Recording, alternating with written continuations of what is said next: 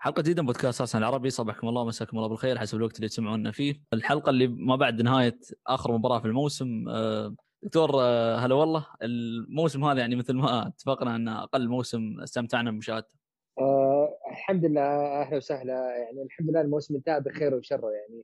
آه موسم فيه كثير من السلبيات وقليل من الإيجابيات لكن أحلى ما فيه إنه انتهى يعني فعلا. لأنه آه موسم كان متعب متعب نفسيا يعني. إذا اذا تكلم عن الجماهير كانوا تعبانين فما بالك يعني باللعيبة والأجواء اللي كانت معهم. فيعني آه، يعني فعلا لما تخلص الموسم تحس إنه حياة جديدة وعندك وقت فاضي كثير تقدر تسوي أشياء كثيرة في اليوم.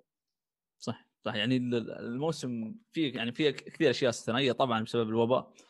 الكرة ما وقفت يعني أسبوع ورا أسبوع حتى كنا نتكلم أذكر قبل التوقف الدولي الأخير ان محتاجين هذا التوقف نحن حتى كالجماهير يعني. ف في البداية يعني قبل ما نتكلم عن أي موضوع أو نتناقش دكتور ودي أشكر كل الناس اللي يسمعونا بداية الموسم لهذا يعني لهذه الحلقة تقريبا 42 أو 43 حلقة. أه ودي أشكر كل الناس اللي يدعمونا يعني من البداية. و يعني في رسالة أنا أتمنى أقولها انها مش يعني مش لدعمنا نحن بس أو أو الناس بشكل عام موجودين في تويتر موجودين في فيسبوك يوتيوب. وحتى في انستغرام أي شخص يعني يساهم في المجتمع يعني ارسنال العربي في سواء بأي بأي طريقة ممكن يعني نقل أخبار أو أي شيء يعني آه يعني كلنا يعني في النهاية نسعى لهدف واحد يعني آه يعني وشو ودك تقول هذه المناسبة دكتور أو هذا هذا الموضوع؟ آه فعلا يعني السنة الماضية في ناس تطوروا كثيرا يعني وناس تميزوا كثيرا خصوصا في المجتمع تويتر يعني إني أكثر ما أتابع في تويتر من ناحية المحتوى الكروي خصوصا المحتوى الكروي الأرسنالي يعني. وشفنا أشياء يعني ما كنا نشوفها تقريبا من المجتمع العربي بالذات يعني.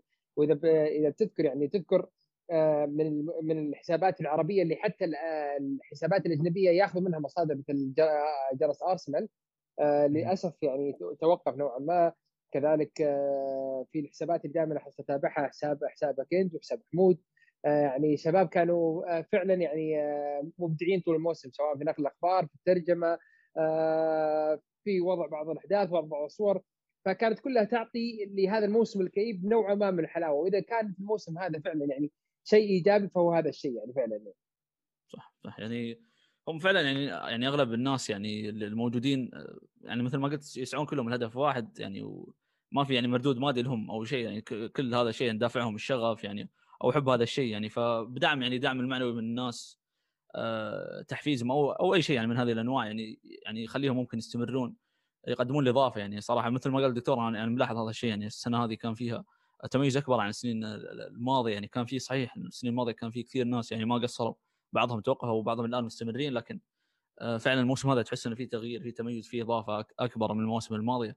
يعني نتمنى يعني الناس يدعمونهم ويخلونهم يستمرون. يعني ما أقول هذا الشيء لنفسنا نحن بس. يعني يعني كل المنصات الأخرى يعني في شباب يعني مبدعين صراحة. أنا بداية الموسم يعني كنت أتابعهم كثير في انستغرام آه، بعضهم تحولوا لتويتر. يعني بعضهم حتى يعني أنا أتعاون معهم شخصيا يعني آه، في تويتر وفي إنستغرام مثل ما قلت. وفي ناس يعني كثيرين سواء في المنصات الأخرى في يوتيوب فيسبوك في شخص يعني أنا ودي أشكره. آه، كلمني قبل فترة يعني ينشر حلقاتنا في جروبات واتساب وفيسبوك ومع إني ما أعرفه معرفه شخصية حتى ما ما يعني ما كلمني بحسابه من تويتر يعني كل اتعرفت عليه من كومنتات اليوتيوب. فودي يعني أشكره بهذا الشيء وأشكر الناس كلهم اللي يدعمون الناس الآخرين مثل ما قلت. و خلينا نبدأ. يا دكتور موسم موسم طويل يعني فيه تقلبات كثيرة آه، مثل ما قلت في سلبياته أكبر من إيجابياته. آه، موسم استثنائي بكل شيء يعني. آه، بداية الموسم دكتور يعني كنا داخلين بتفاؤل آه، بعد بعد تحقيق آه، الكاس وبدينا الموسم بتحقيق الدرع الخيرية.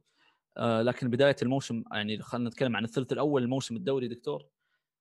كان محبط للغاية يعني لو بنشوف كل كل الأرقام يعني ونقارنها باللي صار نهاية الموسم أو حتى في منتصف الموسم كنا يعني نمر بفورمة فريق ينافس على الهبوط. يعني أذكر كانت في إحصائية على بطء أرسنال في التحضير وبطء أرسنال في في نقل الكرة لوسط الملعب.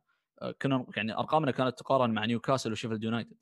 ففي تحولات كثيرة بنتكلم عنها لكن خاصة في بداية بداية الموسم دكتور كنا نتكلم كثير عن اليو شيب كنا نتكلم عن عن ضعف أرسنال في الثلث الأخير. آه هو فعلا يعني الموسم يعني أرسنال بدأ يعني نوعا ما لو تحسب أول ثلاث أربع مباريات آه بدأ بداية جيدة يعني بدأ بداية نوعا ما حتى يعني يعتبر آه قوية ومقبولة لكن في ظرف تقريبا شهرين ضاع الموسم منه تقريبا يعني أرسنال كان من فريق يعني تتكلم إنه ممكن ينافس على ال top four بسهولة. مو يعني ينافس عليه يعني إنه ك يعني فريق منافس إنه يحاول يوصل لا كان فريق من بعد خصوصا بعد أول يعني ثلاث مباريات بعد ما خصوصا إنك فايز على ليفربول في نهائي الدرع الخيرية بعدين تلعب مباراة جدا جدا ممتازة ضد فولهام. فجأة تشوف التارجح في المستوى والتذبذب الغريب اللي صار يعني في المباريات اللي بعدها. عانينا في بعض المباريات لين يعني رجع أرسنال نوعا ما لكن لما وصلنا يعني تقريبا فترة نوفمبر إلى ديسمبر هذه اللي ضيعت علينا الموسم تقريبا. دخلنا في سلسلة عدم انتصارات مخيفة يعني. ما أذكر أرسنال يعني من يوم ما تابعت أرسنال من يوم ما عرفت أرسنال ما أذكر أرسنال مر بمثل هذه الفترة ومثل هذه السلسلة ابدا يعني. وهذه هذه هي اللي ضيعت عليه الموسم للأسف يعني. للأسف ال ال ال ال البداية السيئة هذه هي اللي ضيعت عليه الموسم. وهي اللي خلت أرسنال بهذه الوضعية السيئة يعني. فعلا يعني إذا بنختصر الفترة السيئة هذه يعني كانت هي حددت السقف اللي أرسنال ممكن يوصل له من نهاية الموسم. يعني كنا نقول طبعا كان أمل ال Champions League كان أشبه بالمستحيل يعني وكنا داخلين في فورمة كانت يعني فورمة إقالة مدرب يعني مستحيل المدرب ينجو بعد هذه الفترة يعني ممكن ما حسينا داخليا النادي تأثر كثير لكن هذه نتائج فريق فعلا يعني ينافس على الهبوط ونتائج ما مرت يعني في في تاريخ النادي يعني أذكر كنا كنا دائما كنا نشوف أرقام تتناقل أرسنال ما خسر من 30 سنة في هذه المباراة وهذه وهذا الرقم ما كسر من 40 سنة أو 50 سنة يعني فكان شيء غير مسبوق يعني فورمة سيئة أو كارثية خلينا نقول. وفعلا هي اللي حددت الموسم مثل ما قلت أو السقف اللي ممكن نوصل له يعني. لكن كان في بعض الأمل على ممكن ننهي الموسم أو ننقذ الموسم بتأهل للدوري الأوروبي أو ننهي الموسم آه، يعني بالأمل الموجود في بطولة الدوري الدوري الأوروبي يعني آه، المجموعات كانت سهلة عديناها أول ست مباريات ست انتصارات يعني فرق كانت ما تقارن بأندية ال Premier League يعني كان أرسنال يلعب بالصف الثاني غالبا وقادر يفوز فيها فكان أمامك يعني الأدوار الإقصائية وممكن بعدها نلقى نفسنا في النهائي يعني مثل ما صار كانت بيننا وبين النهائي مباراة يعني. فهو هذا كان الأمل الوحيد في الموسم. لكن نقطة التحول في الموسم دكتور مباراة تشيلسي اللي كانت في 26 ديسمبر في ال Boxing Day كانت نقطة تحول للموسم دخول سميث للتشكيلة عودة مارتينيلي يعني من أفضل لحظات هذا الموسم دكتور أذكر وقت إعلان تشكيلة هذه المباراة يعني الساعة اللي كانت قبل المباراة آه، كان في تفاؤل تفاؤل كبير يعني لو, لو أن أرسنال كان طالع من من فورمة سيئة لكن كنا محتاجين هذا التغيير يعني الكل كان يقول خلاص يعني غير غير ال system غير اللاعبين دخل اللاعبين الشباب ممكن يتغير شكل الفريق لأن فعلا كنا يعني في في فورمة كارثية. اي يعني تتكلم أنت قبله يعني لو تشوف المباريات اللي قبلها كلها تقريبا في الدوري كنا نخسر كنا نفوز بس في ال Europa League كنا ننتظر مباراة الخميس عشان نلعب مع فريق ضعيف عشان نوعا ما تحس بالراحة إنك قاعد تفوز تقدر تفوز تقدر تأدي يعني. آه، زي ما ذكرنا تقريبا يعني من آه، آخر انتصار أرسنال تقريبا كان ضد شيفيلد يونايتد اللي كان 2-1 على ملعب الإمارات.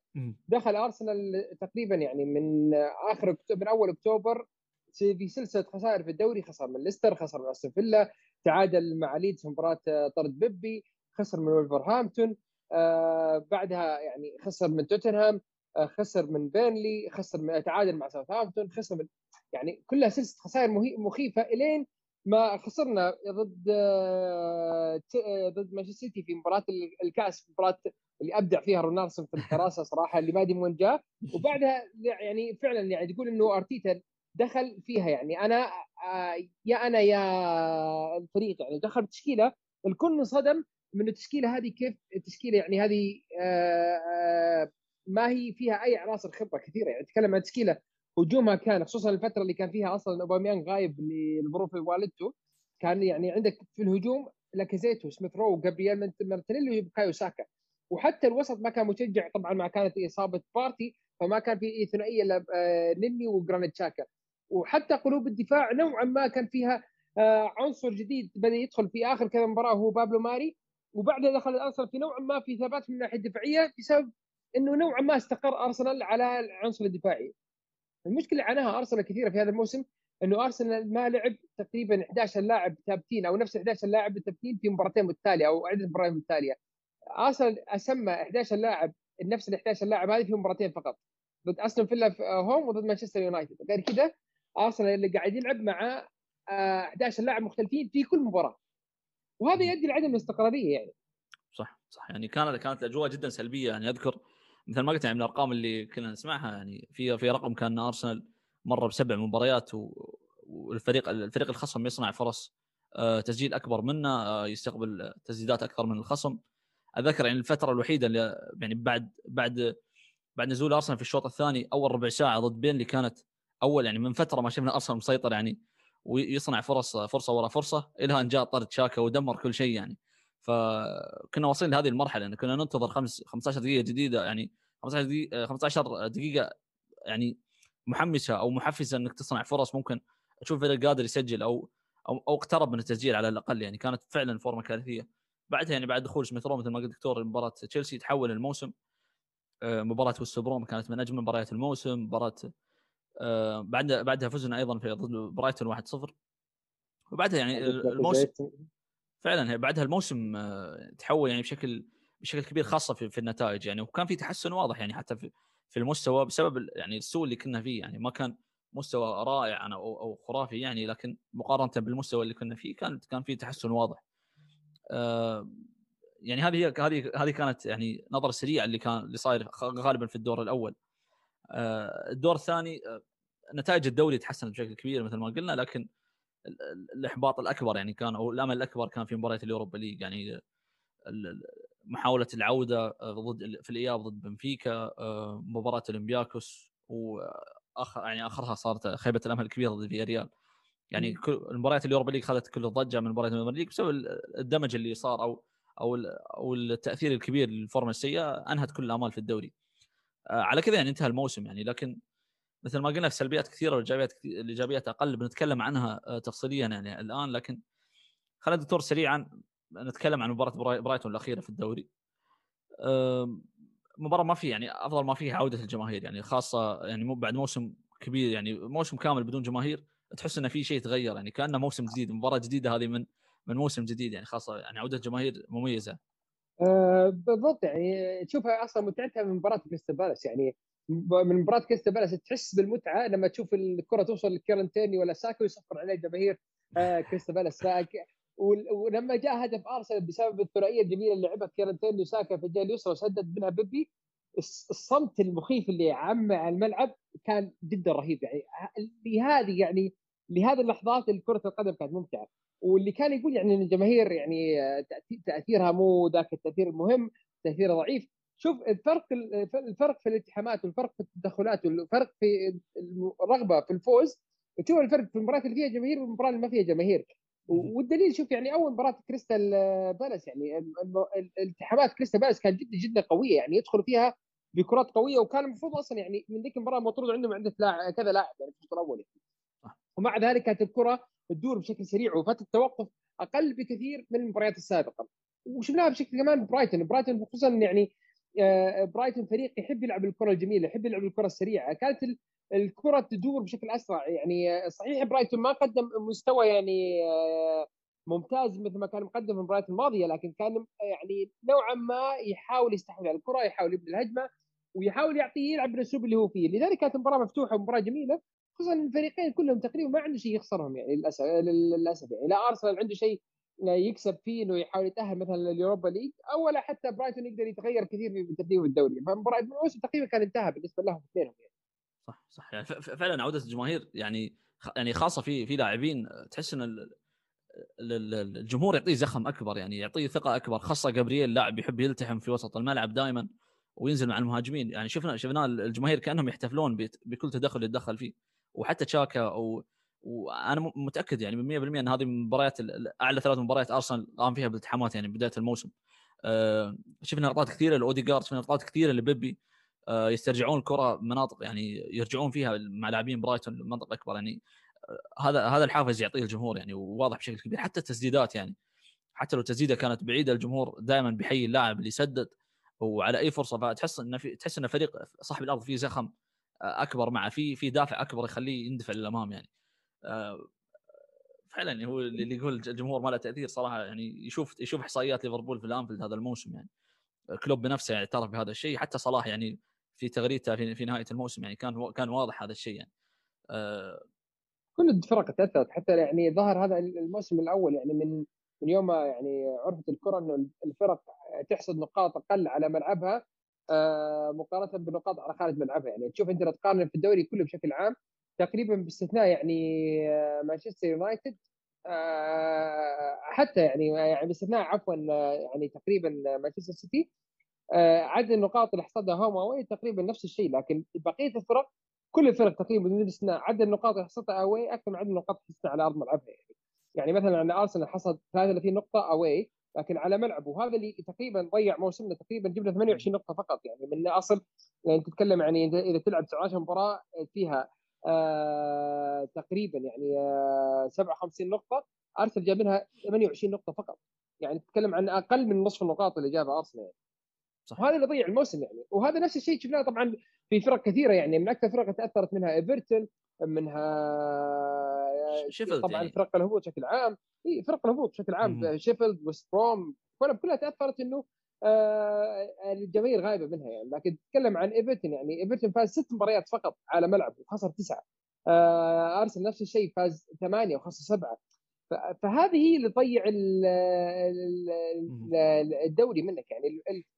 الدوري عادة يحصد بأنك تفوز على كل مبارياتك على ملعبك وتفوز على الفرق الضعيفة خارج ملعبك وما تخسر في ضد الفرق القوية ومنافسينك على خارج ملعب وهذا تحسم الدوري. إذا كذا أنت سويت النقاط هذه تحسم الدوري يعني. صح صح. يعني آه فعلا يعني form form يعني أتوقع من اسوء من اسوء form يعني من اسوء اعداد آه انتصارات ارسنال في ملعبه في في دوري واحد يعني في تاريخه. آه يعني فعلا هو هو ضاع الدوري من هذه المباريات. يعني إذا يعني خاصة دكتور إن أنهينا الموسم ست يعني بفارق ست نقاط عن دوري الأبطال يعني هذا الشيء يعني ما ما يمحي إن الموسم كان سيء يعني. لكن هو فعلا شيء غريب إنه آه، ترجع تست... يعني تندم أكثر على المباريات اللي ضيعناها يعني. بين اللي هوم واوي آه، ساوثهامبتون ولفرهامبتون أستون فيلا. يعني مباريات صراحة يعني كل ما ترجع فيها تست... يعني تندم أكثر. وفي في نقاط يعني إيجابية يعني في مباريات أرسنال يعني ظهر فيها بصورة جيدة. آه، مباراة تشيلسي في ملعب الإمارات وأولد ترافورد و... وحتى ستامفورد بريدج يعني نوعا ما كان كان في الوقت كبير أرسنال كان مقدم مباراة جيدة. أه بتكلم بس عن الهدفين اللي سجلناهم ضد برايتون. دكتور هدفين بيبي بيبي مر ب form رائعة صراحة. أنا أرشح أنه يأخذ جائزة لاعب الشهر. ممكن ويلوك ينافسه عليها بقوة لكن بيبي في المباريات الأخيرة كان يمر بفورمة ممتازة. أه هو مش اللاعب الكامل لكن عنده جوانب صراحة هو مميز جدا فيها. في اليوم في اليوم الجيد اللي بيبي بيبي راح يكون قاتل يعني أمام المرمى.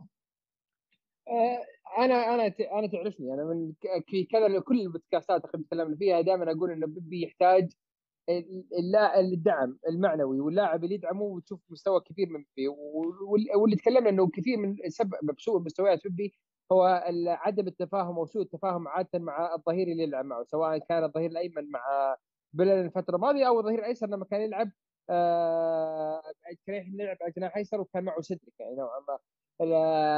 لذلك بيبي أول ما حصل الفورمة المناسبة وبدأ يلعب عدد مباريات كثير شفناه يبدع.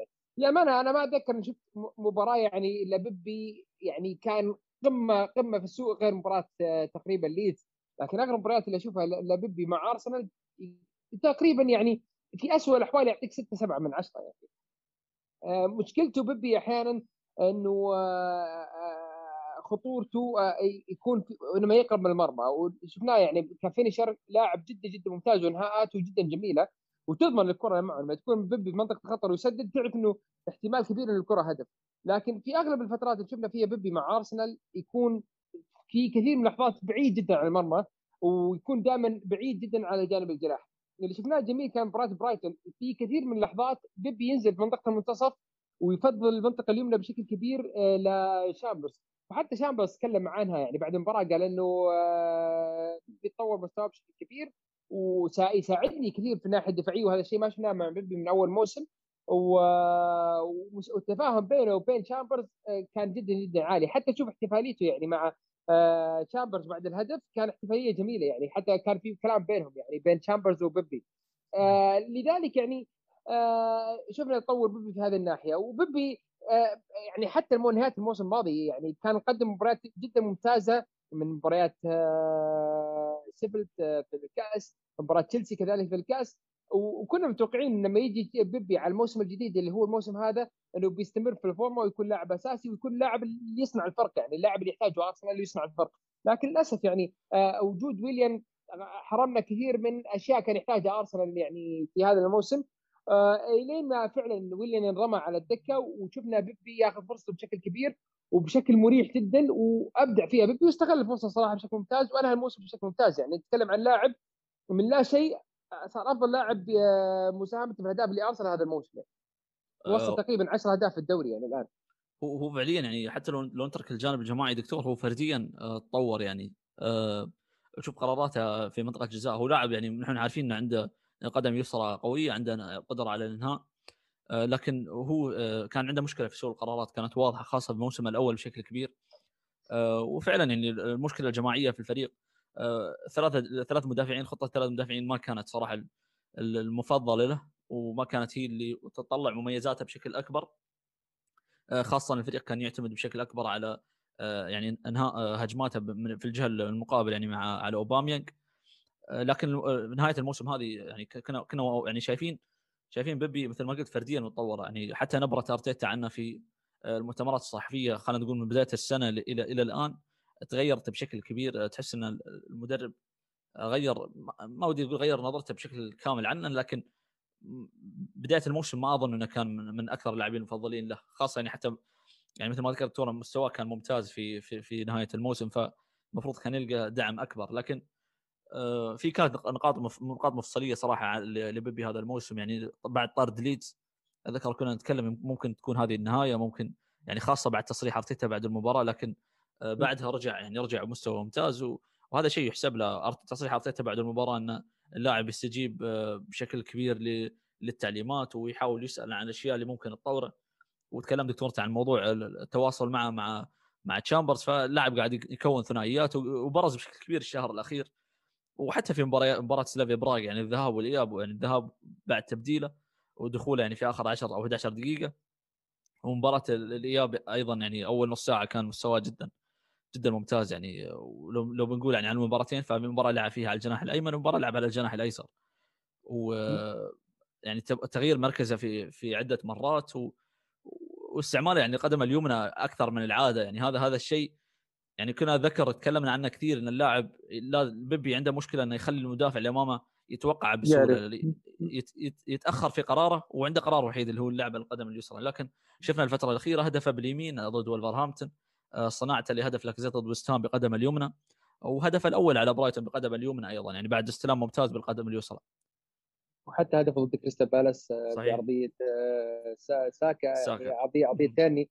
آه، فيعني آه، تنوعت نوعا ما عنده الحلول. أتوقع إنه لما لعب الفترة على الجهة اليسرى آه، تحسنت نوعا ما آه، قدرته على استخدام القدم اليوم يعني. شفناه مثلا من أجمل الأهداف اللي أشوفها يعني أتذكرها لبيبي هدف ضد ولفرهامبتون يعني لما عدى من لاعبين سددها بقدمه اليمنى ضعيفة كيرلينج في الزاوية البعيدة يعني. فكان هدف جميل جدا يعني. فلذلك يعني أنا أتوقع بيبي من اللعيبة اللي يحتاج يعني ما هو من اللعيبة اللي شخصيتهم جدا جدا قوية بحيث إنه يفرض نفسه وشخصيته ويفرض رأيه. لا هو لاعب يحتاج لا اللي المدرب اللي يراعيه ويكبر معه. يعني ما يحتاج آه، آه، يعني لا المدرب اللي يرميه تحت حزام النار ويبغى يبدا يعني وشفناها هذا كثير يعني مع آه، بيبي لما بدأ يتكلم عنه أرتيتا بنغمة إيجابية شفنا فرق كبير في مستوى بيبي يعني وشفنا الأداءات حقته يعني صراحة. أنا آخر مباراتين تقريبا بيبي كان صحيح إنه في لقطات كثيرة يكون مختفي لكن لما يظهر يكون حاسم. وهذا اللي سواه تقريبا في برايتون هذا اللي سواه في كريستال بالاس. يعني في كثير من اللقطات ممكن يكون بعيد عن الكرة لكن لما يظهر ويستلم الكرة يكون حاسم. ونوعا ما يعطي حلول أخرى للأرسنال على الجهة الأخرى. يعني بحيث إن أرسنال ما يكون فريق موحد وهجومه كله من الجهة اليسرى صار لما يلعب بيبي على الجهة اليمنى وساكي على الجهة اليسرى نوعا ما يصير في توازن في بناء الهجمة. مرة على اليمين مرة من اليسار مرة من المنتصف يعني. صح صح. يعني هو تصريح تصريح بيبي في في آه، نوفمبر وتصريحه اللي في أبريل يوضح لك إنه فرق الثقة اللي اللي عنده. يعني تصريحه اللي كان في التوقف الدولي مع المنتخب اللي يقول أنا أنا راح أرجع لأرسنال وراح أحاول أثبت نفسي وراح يعني راح أخذ المركز الأساسي وبعدها بعد أول مباراة طرد. يعني فكانت ضربة يعني قوية لثقة اللاعب بنفسه. لكن رجع ولعب موسم آه، ممكن البعض يشوفها أقل من المأمول بحكم نهاية الموسم الماضي بشكل كبير والآمال كبيرة عليه وخاصة يعني دائما 72 مليون راح تلاحقه. فمثل ما قلت دكتور هو يحتاج يحتاج ثقة أكبر يحتاج دعم أكبر وهو استثمار استثمر فيه الفريق وقادر يعني ينجح. يعني هو أنا أنا بالنسبة لي هو مش من اللاعب الكامل لكن عنده مميزات. لو استغلت بالشكل الصحيح راح راح تطلع لاعب عنده إنتاجية كبيرة. وفي في اليوم السيء له راح يظهر بشكل سيء لأنه فعلا يعني مثل ما قلت يعني عنده عنده بعض المشاكل. لكن نحتاج يعني نحتاج الموسم القادم نحتاج نبيبي يكون في منظومة آه، تخدمه وتساعده ويستمر على الفورمة اللي هو فيه اللي هو فيها وفعلا مثل ما قال آه، آه، الدكتور انه مشكلة أرسنال الاعتماد الكبير على الجهة اليسرى ممكن يكون يحل يعني بوجود بيبي بفورمة ممتازة على الجهة اليوم. الهدف الثاني دكتور ممتاز أيضا صراحة بين أقدام لويس دانك في الزاوية البعيدة بقدمه اليسرى هدف جدا جميل صراحة. هدف آه جميل جدا من بداية الهجمة. يعني لما تشوف تحرك ارسنال من بداية الهجمة حتى بعد تمريره تشاكا المقطوعة آه لكن تشاكا الكرة وتمرير لأوديجارد وبعدين انطلاق بيبي آه وكيف يعني أجبر دانك إنه يتراجع بهذه الطريقة. ولين فتح الزاوية بشكل جيد سددها بين قدمي دانك كان يعني هذا يتكلم عن هدف جميل صراحة. ف وهذا الهدف يعني شفناه حتى آه، في مباراة ويست بروم يعني بنفس الطريقة. بيبي دخل من الجهة اليسرى ودخل تقريبا بنفس الزاوية وسددها بنفس الطريقة لكن في في, في الزاوية العلوية يعني. ف آه، هذه الأهداف ما تجي إلا إذا أنت فعلا واثق بقدرتك انه ممكن تجيب هذا الهدف. إذا أنت ما زال في مرحلة الشك مستحيل تجيب هدف مثل هذا الهدف لأنه هدف يعني كل يعتمد بشكل كبير على إنه كيف أنت واثق بقدرتك إنك تسددها بهذه الطريقة بهذه الزاوية يعني. لأنه آه، إنك تكون جريء جدا تحطها بين قدمي لاعب وتسددها في الزاويه البعيده هذه هدف يدل عن ثقة كبيرة في نفس اللاعب في نفسه. صح. يعني تقريبا هذه أبرز الأشياء في المباراة عودة الجماهير.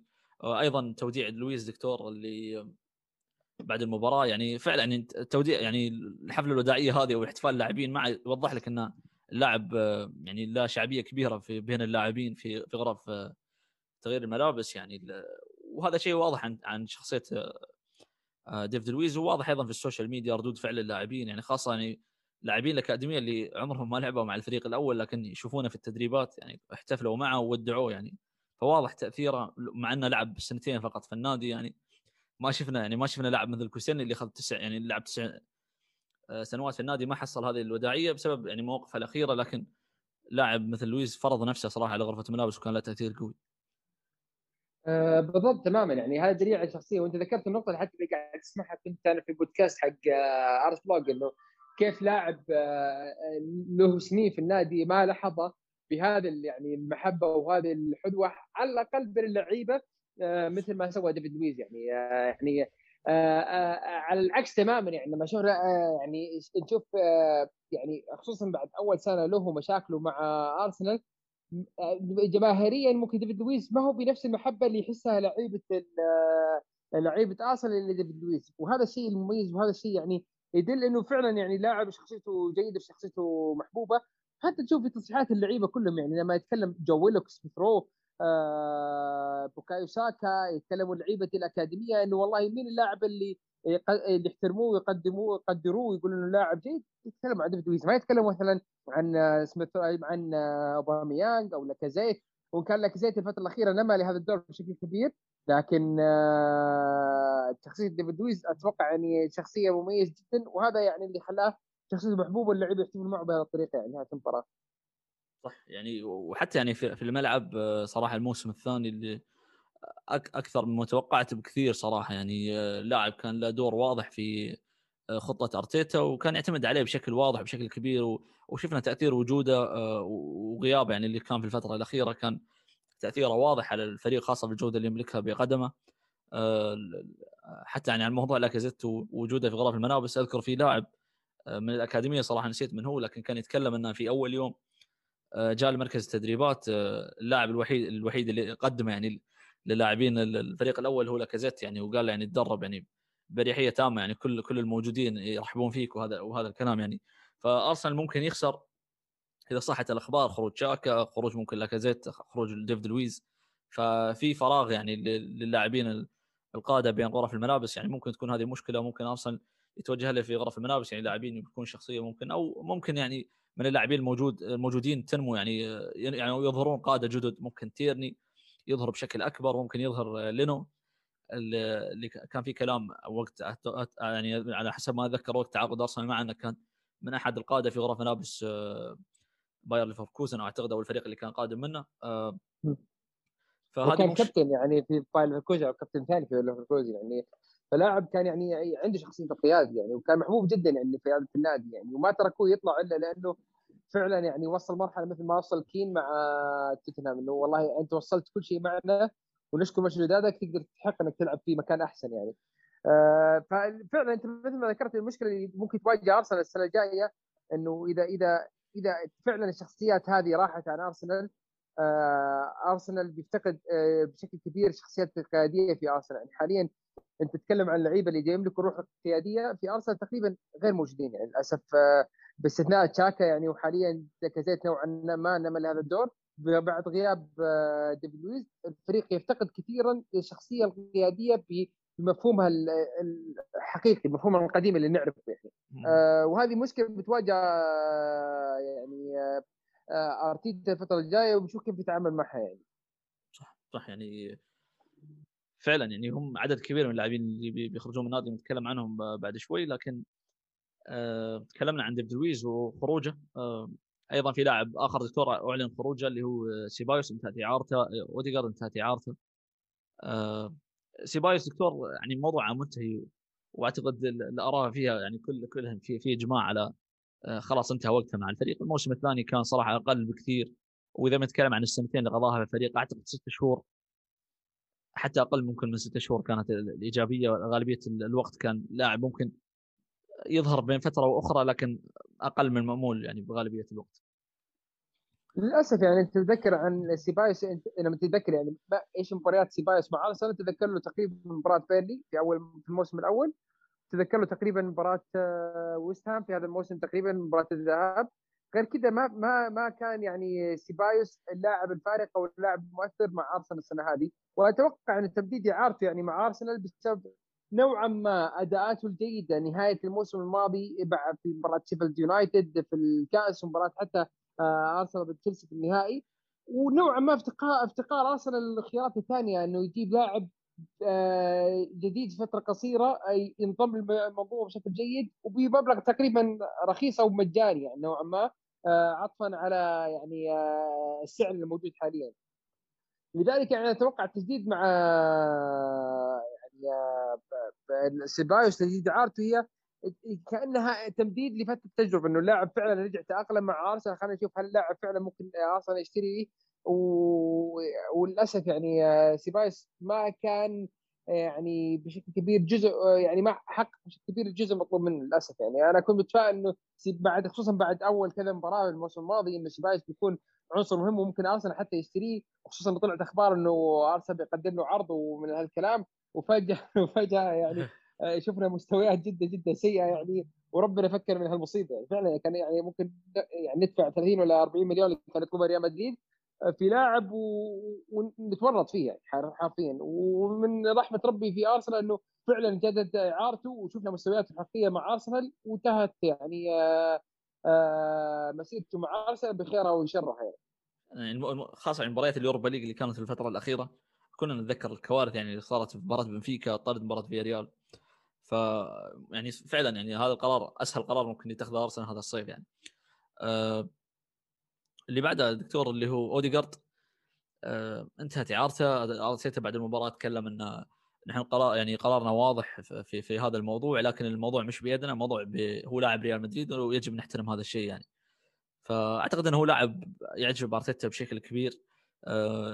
أول فترة قدم فيها يعني أعتقد إنها صفقه ناجحة في يناير الفريق الفريق كان محتاج هذا اللاعب في هذا المركز.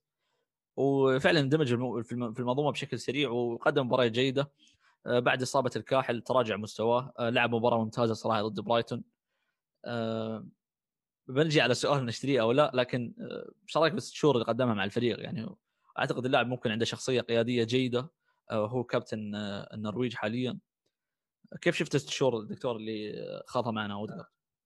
أنت أنت تتكلم عن لاعب يجيك يعني في آه، صفقة شتاء وبفترة قصيرة وإنه تأقلم معك بهذا الشكل وكان دوره واضح يعني مع الفريق تتكلم عن إنها صفقة لازم تتكلم إنها صفقة إذا ما كانت ممتازة على الأقل صفقة جيدة وكان أرسنال يحتاجها فعلا. فلذلك يعني صفقة أوديجارد آه، أوديجارد كانت فارقة معنا بشكل كبير هذا الموسم لأنه فعلا أرسنال كان يحتاج لاعب آه، في هذا المركز خصوصا يعني مع نوعا ما يعني كون سميث رو في هذا المركز لاعب جديد وإصاباته كانت كثيرة وفعلا يعني ما وصل بدنيا للمرحله اللي تقدر تعتمد عليه بشكل كبير.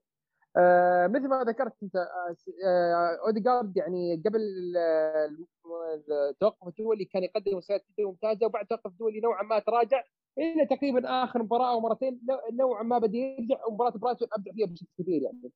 وبالمناسبة يعني أنت بتتكلم التوقف الدولي الأخير آه هذا كان تقريبا آه التوقف الدولي اللي أنهى مسيره ارسنال يعني في في في المنافسة بشكل كبير. يعني بعدها ارسنال فقد عدد كبير من اللعيبة دخل في سلسلة إصابات وسلسلة إيقافات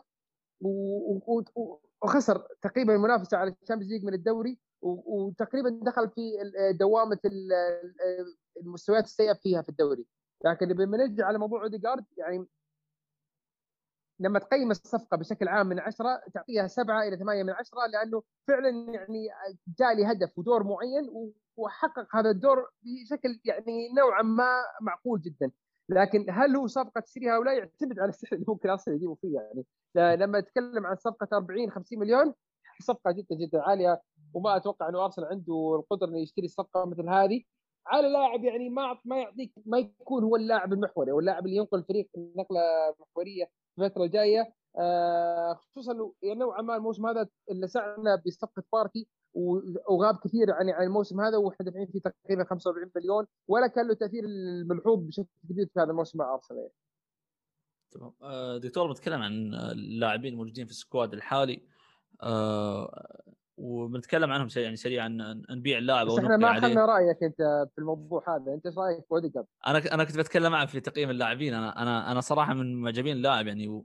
آه، أعتقد ممكن 40 مليون. أنا صراحة باخذها صراحة بوقع مع اوديجارد يعني اللاعب ما شفنا منه الكثير. الفترة اللي مر فيها الفريق يعني الفترة الصعبة خاصة في المباريات السيئة ما كانت يعني سوءا في في منطقة معينة سواء دفاعيا أو هجوميا. المباراة كانت سيئة للفريق ككل يعني. فصعب الحكم عليه خاصة مصابة الكاحل يعني لعب عليها مباراتين أو ثلاث مباريات خلينا نقول بعد الإصابة تقريبا. يعني فكانت فترة صعبة يعني يعني ومن الأشياء يعني المميزة والمميزات في في اوديجارد إنه في الوقت الحالي يعني آه، تشتري يعني أرسنال في في وقت يعني المفروض يوقع مع أي لاعب وهو ضامن ضامن نجاحه. فإنك توقع مثلا مع لاعب مثل بوينديا أنا بصراحة من معجبينه لكن في عامل في عامل يعني يخليك تفضل اوديجارد اللي هو ان اللاعب اندمج المجموعة بشكل أسرع عارف أجواء الفريق. آه، ممكن هذا هذا الشيء يكون عامل مساعد أو يخلي أرسنال في في في امن يعني في هذه الصفقة. ف فهو هذا اللي يعني الجانب اللي أتوقع ممكن يخ... أرتيتا ينظر ينظر له يعني غير غير عن الجانب حتى شخصية اللاعب.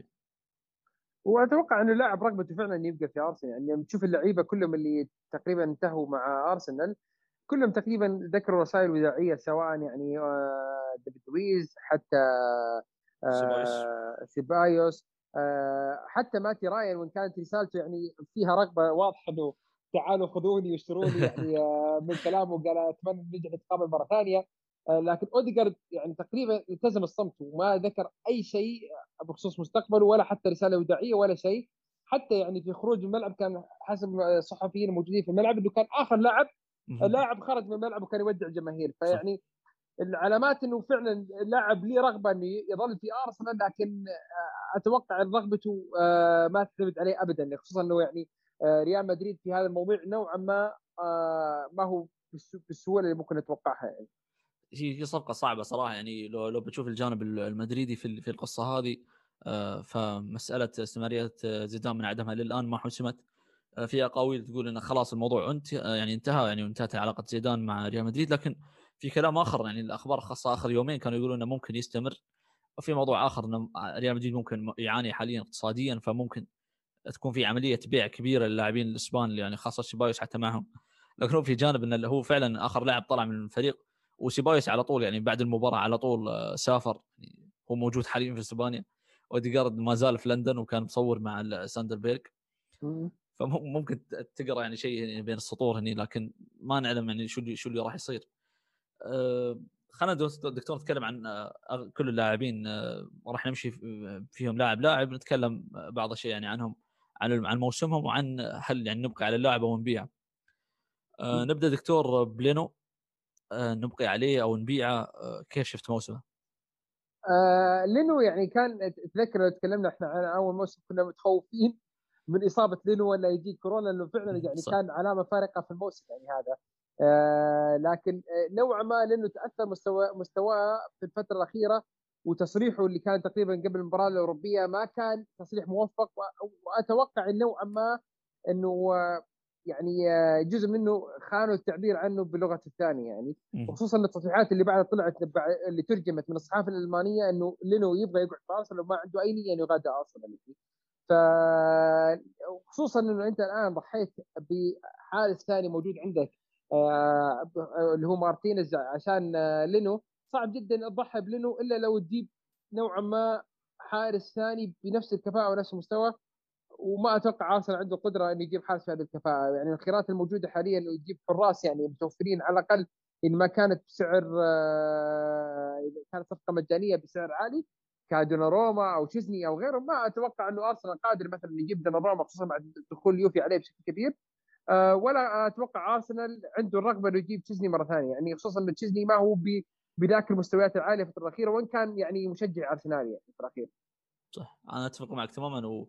وأعتقد نبقي عليه يعني آه ريان دكتور اللي باقي من عقده سنة آه مع برايتون انتهت إعارته فراح يكمل السنة هناك في مثل ما قلت التلميح اللي هو كان يقول see you soon للاعيبه في في رسالته الوداعية وحتى في ردوده عليهم يعني فصفقه صراحة الست شهور كانت منطقية يعني خاصة بعد مستوى رونارسون الكارثي آه، أنا صراحة مع إعادة شراء ريان دكتور أنا أتفق معك تماما خصوصا إنه نوعا ما زاد من حدة المنافسة بينه وبين آه، لينو. يعني تشوف إنه آه، لينو نوعا ما ما صار يأمن إنه والله أنا أنا الحارس الأساسي آه، وأنا مضمون مكاني بغض النظر عن مستوياتي. تشوف يعني حدة المستوى وحتى حدة الأداء من لينو.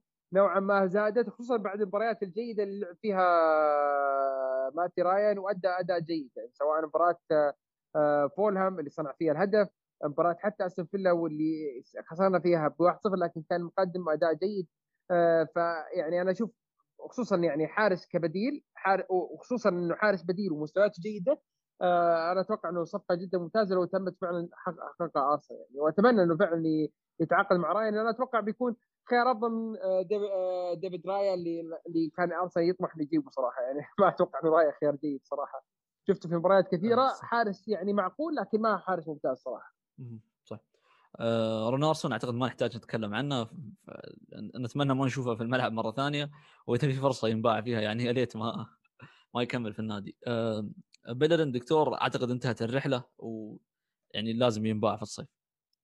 آه بيلرين أتوقع حتى في التصريحات اللي طلعت اليوم إنه بيلرين نفسيا أتوقع الفترة الماضية ما كان آه يعني في الحالة الذهنية الممتازة آه، خصوصا يعني مع تأثره بالظروف الخارج الملعب يعني بشكل كبير. ذكر إنه فيها اللاعب اضطر انه دخل للشرب ودخل في مرحلة إنه صار يعني يتعاطى الخمور بشكل كبير.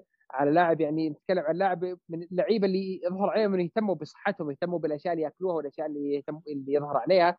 شفنا لاعب يتكلم إنه من الناحيه الذهنيه ما كان جاهز 100% وخصوصا مستوياته تأثرت والإصابات حقته نوعا ما ما ساعدته يرجع مرة ثانية. والعناصر الأخرى اللي كانت موجودة في الفريق بدأت تتطور بشكل كبير وخصوصا يعني لاعب مثل كلام شامبرز راجع بعد إصابة مشابهة وقاعد يقدم مستويات جدا جدا عالية سواء في الظهير يمين أو حتى الفترة القصيره لعبها في قلب الدفاع يعني وسوى وسوى ضغط كبير على بيلرين لذلك يعني ما ما أتوقع إنه بيرين قادر يتخطى هذه الأزمة بشكل كبير وأتوقع إنه يحتاج يعني لمصلحته لمصلحه ارسنال إنه يعني فعلا يشوف له آه، يعني خيار ثاني في مسيرة ثانية في نادي ثاني يعني. صح أتفق تماما معك يعني آه، اللاعب اللي بعده تيرني أعتقد موضوع البقاء والبيع هذا ما راح نتناقشه لكن آه، أتمنى كان... يجدد عقده أنا تيرني صراحة يعني. مو بس كذا يعني. فعلا عقده الآن باقي فيه تقريبا ثلاث سنوات. أتمنى انه يجددوا له كمان لسنة بمحفزات أكثر يعني. لأنه فعلا يعني لاعب تقدر تبني عليه squad حقك تبني عليه فريقك يعني. وخصوصا إنه تيرني يعني افتقدناه كثير يعني في في الفترة هذه ما لعب يعني العدد اللي نطمح له في عدد المباريات لكن المباريات اللي غاب عنها ظهر تأثيره بشكل كبير جدا جدا جدا يعني. صحيح. وافتقدنا فيه. ودليل إنه الحلول اللي حاول فيها أرتيتا ان يعوض فيها غياب تيرني ما كانت موفقة جدا سواء لما لعب سيدريك أو لعب تشاكا. يعني كانت حلول يعني مؤقتة لحل لسد ثغرة يعني ولا سدوها حتى ولا 40% من اللي كان موجود يؤدي تيرني صح صح. حتى قبل ما يوجد الحلول يعني هو كان معترف يعني ان إن الجودة اللي نملكها في تيرني ما راح نعوضها ولكن حتى وجود لاعب مثل يلعب قدم يسرى ما كان موجود في الفريق يعني. ففعلا هو الكابتن القادم تجديد عقده يعني موضوع ضروري يتم إذا ما تم هذا الصيف يتم الصيف القادم. آه، دكتور اللاعب اللي بعده اللي هو سيدريك آه، بالنسبة لي بيع وصفقة مشبوهة صراحة. أنا مش من أكثر الناس المعجبين بهذه الصفقة لولا انه لعب يعني مباراتين جيدة أو ثلاث مباريات جيدة صراحة. مباراة ليستر لعب مباراة ممتازة مباراة وولفز كانت جيدة حتى مباراة ساوثهامبتون كانت جيدة. ما ما راح أظلمه في هذا الشيء لكن آه، صفقة صراحة ما كانت موفقة خاصة بعد يعني شراء عقده في في الست شهور اللي كان فيها مصاب بالركبة كان شيء مشبوه يعني صراحة. صفقة إعارة أخذ فيها آه، كيا عمولة المرة الأولى وبعد تأكيد الانتقال أخذ عمولة مرة أخرى. فلاعب أنا آه، يعني ما ما اهضمه دكتور آه للأمانة يعني ما هو باللاعب الممتاز يعني ولكن لاعب جيد أو أقل حتى من الجيد في مراحل كثيرة خصوصا يعني بعد إصاباته يعني. آه أنا أتوقع ان نوعا ما سيدريك ظلم بسبب إنه علاقته مع إنه جاي عن طريق كيا جرابشين لكن لو أتوقع سيدريك جاب بشكل مباشر يعني آه، لأرسنال من أي فريق ثاني بدون علاقة كيا كان ما حيكون بنفس الانطباع اللي اللي اللي السيء اللي ماخذه عنه الجماهير للأمانة يعني. أنا أشوف نوعا ما مظلوم الشيء هذه. أنت تتكلم كلاعب squad ما هو لاعب سيء لكن هل عندك خيارات ثانية أفضل؟ عندك خيارات ثانية أفضل بكثير جدا سواء على الظهير الأيمن شفنا إنه حاليا صار الخيار الرابع عندك في أرسنال آه بعد آه بيلرين وحتى يعني آه كالوم تشامبرز صار هو الخيار الثالث على اليمين وعلى اليسار ألغي تماما من المنظومة يعني بشكل كبير. لذلك إذا أرسنال قدر فعلا يبيعوا آه كان بها خصوصا إنه موضوع مايتن نايلز ووجوده سواء كظهير يمين أو حتى كظهير يسار إلى الآن ما واضح بشكل كبير يعتمد بشكل كبير على رجعته هل أرسنال فعلا يخلي مايتن نايلز أو يبيعه يعني. صح صح. يعني هو خاصه عمره 29 سنة ووقع عقد أربع سنوات والمسألة اللي صارت في البداية نفس ما قلت الإعارة وبعدها نهاية عقده والانتقال الدائم آه، الموضوع كان غريب صراحة. لاعب آخر يعني أيضا آه الأمال ما كانت يعني كانت كبيرة عليه اللي هو بابلو ماري لكن آه وقت يعني وجوده كان في الملعب قدم مستوى صراحة مقبول إلى جيد. حتى في بعض الأحيان كان جيد جدا. لاعب squad player صراحة دكتور قدم قدم اللي عليه وزيادة يعني خلينا نقول لكن له عيوب كثيرة لكن هو في النهايه لاعب squad player اي فعلا يعني لكن أنا أتمنى يعني كبابلو ماري هو في مستويات قدم فيها كان ممكن تقول عنه هو أفضل يعني مدافع ارسنالي يعني في فترة من الفترات لكن صحيح. آه، بشكل عام يعني آه، ما هو اللاعب اللي فعلا يعني تبني عليه فريقك في الأمام خصوصا الخيارات اللي عندك يعني لاعب أنا ممكن أستثمر وأضحي يعني بنقاط معينة مع لاعب مثل جابرييل على أمل إنه والله لاعب آه، مثل جابرييل يتطور يصير لاعب ممتاز. آه، وخصوصا يعني الخيارات عندك جيدة. أنا بالنسبة لي يعني خيارات آه، يعني مستقبل أشوف خيار صليبا وجابرييل في قلوب الدفاع كخيارات جيدة جدا.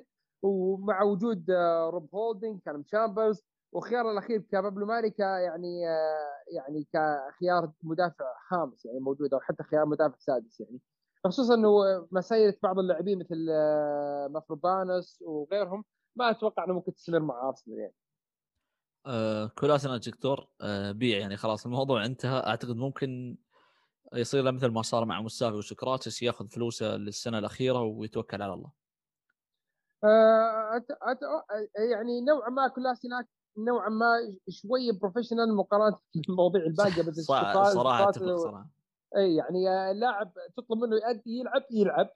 آه، اطلب اطلب منه يروح اعاره ويخصم من آه، راتبه وافق. آه، لكن فعلا يعني كان غير محظوظ إنه بظروف تشالكا إنه فعلا شالكا كان مستويات سيئة وما قدر يستمر. لو شالكا استمر في الدرجة الأولى أو البوندسليغا 1 أنا متأكد جدا إنه كلاسيناك بيكون معهم الموسم الجاي. لكن للأسف يعني هبوط تشالكا ألغى هذه الفرصة. أنا ما أشوف كلاسيناك كظهير يسار ثاني خيار سيء لكن آه، أتوقع أرسنال قادر إنه يطلع في هذه المرحلة ك upgrade على اللاعب الموجود حاليا في كولاسيناك هو هو نحتاج نحتاج نخطط للمستقبل دكتور فنحتاج لاعب ب profile آخر يعني كظهير أيسر آه، احتياطي. لأن نحن دائما كنا نعاني من مشكلة الخلط يعني أو دائما حتى موجودة من فترة ارسن فينجر إنه اهدافنا في الفترة القصيرة والفترة الطويلة تتعارض مع بعض وننتهي في نهاية المطاف يعني بتحقيق يعني هدف أو شيء غير مستدام. فنصدم بعدها بعد سنة أو سنتين بوجود لاعبين بعقود يعني نحن أعطيناهم عقود أكثر مما يستاهلون. ف بعد سنة أو سنتين أو ثلاث نرجع لنفس الدوامة هذه بسبب القرارات المتراكمة السيئة. فكولاسينيتش المفروض يطلع يعني بأي طريقة ممكنة. اللاعب اللي بعده اللي راح يعارض وست بروم اينسلي ميتلاند نايلز أه خليني أقول لك دكتور رأيي فيه صراحة في البداية أه يعني غلطة عمره صراحة. أنا أعتقد إن هذا الشيء أنا حتى قلته قبل إنه بعد سنة أو سنتين أو ثلاثة أو ممكن حتى خمس سنوات بيرجع بيندم على القرار اللي اللي هو أظهر أظهر للناس إنه هو يحت... يعني رغبته إنه يلعب في وسط الملعب. و... وذكر حتى بالحرف يعني في التصريح إنه ما وده يطلق عليه لاعب utility player أو لاعب آه، لعدة استخدامات أو أو, أو من هذا الشيء. الشيء الوحيد اللي, اللي قاله بشكل صحيح سام ألاردايس انه ان على على نايلز إنه يرجع لأرسنال ويطلب اللي ينفذ المدرب منه ويلعب في المركز اللي اللي يطلبه من المدرب سواء كان ظهير أيمن أو ظهير أيسر في نهايه المطاف مثل ما قال ألاردايس ممكن تحصل على وقت ودقائق لعب أكثر يعني. هو اللعب يعني كان في تصريح له سابق انه إنه كان حلمه يلعب كجناح في أرسنال وبعدها تكلم إنه ممكن يرجع لاعب وسط يعني. فقضية أو مسألة انه إنه هو حلم حياته إنه يلعب لاعب وسط هذا شيء غير صحيح إنه هو في نهاية يعني هو تغير تغيرت وجهة نظره في نفسه عن عن, عن قريب يعني هو. ف كيف وجهة نظرك فيه دكتور؟ شو تشوف؟ نايلز؟ أنا أتفق مع كل كلمه قلتها يعني أنا أنا كنت أنا متأمل كنت في نايلز خصوصا بعد مستوياته آخر موسم ماضي واستقراره مع أرتيتا ورغبته إنه والله فعلا أنا ألعب بالمكان اللي يلعبني اللي لعبني فيه المدرب وإبداعه فيها يعني كان كنت أتمنى إنه نايلز فعلا يكون خيار عندنا في الظهير اليمين وأنا كنت متوقع بشكل كبير إنه إذا نايلز استمر آه، مع أرسنال ممكن يكون هو الظهير الاساسي لأرسنال على الجهة اليمنى يعني. آه، لكن للأسف يعني تفكير نايلز ورغبته ما تتوافق مع الشيء اللي يشوفوه العالم كلها إلا نايلز آه، كلاعب يعني. أنا يعني لما الفترة اللي لعب فيها في ويست بروم كلاعب محور تابعت مبارياته كلها أنا كان لاعب جيد يعني لكن ما هو اللاعب الفارق بشكل كبير يعني.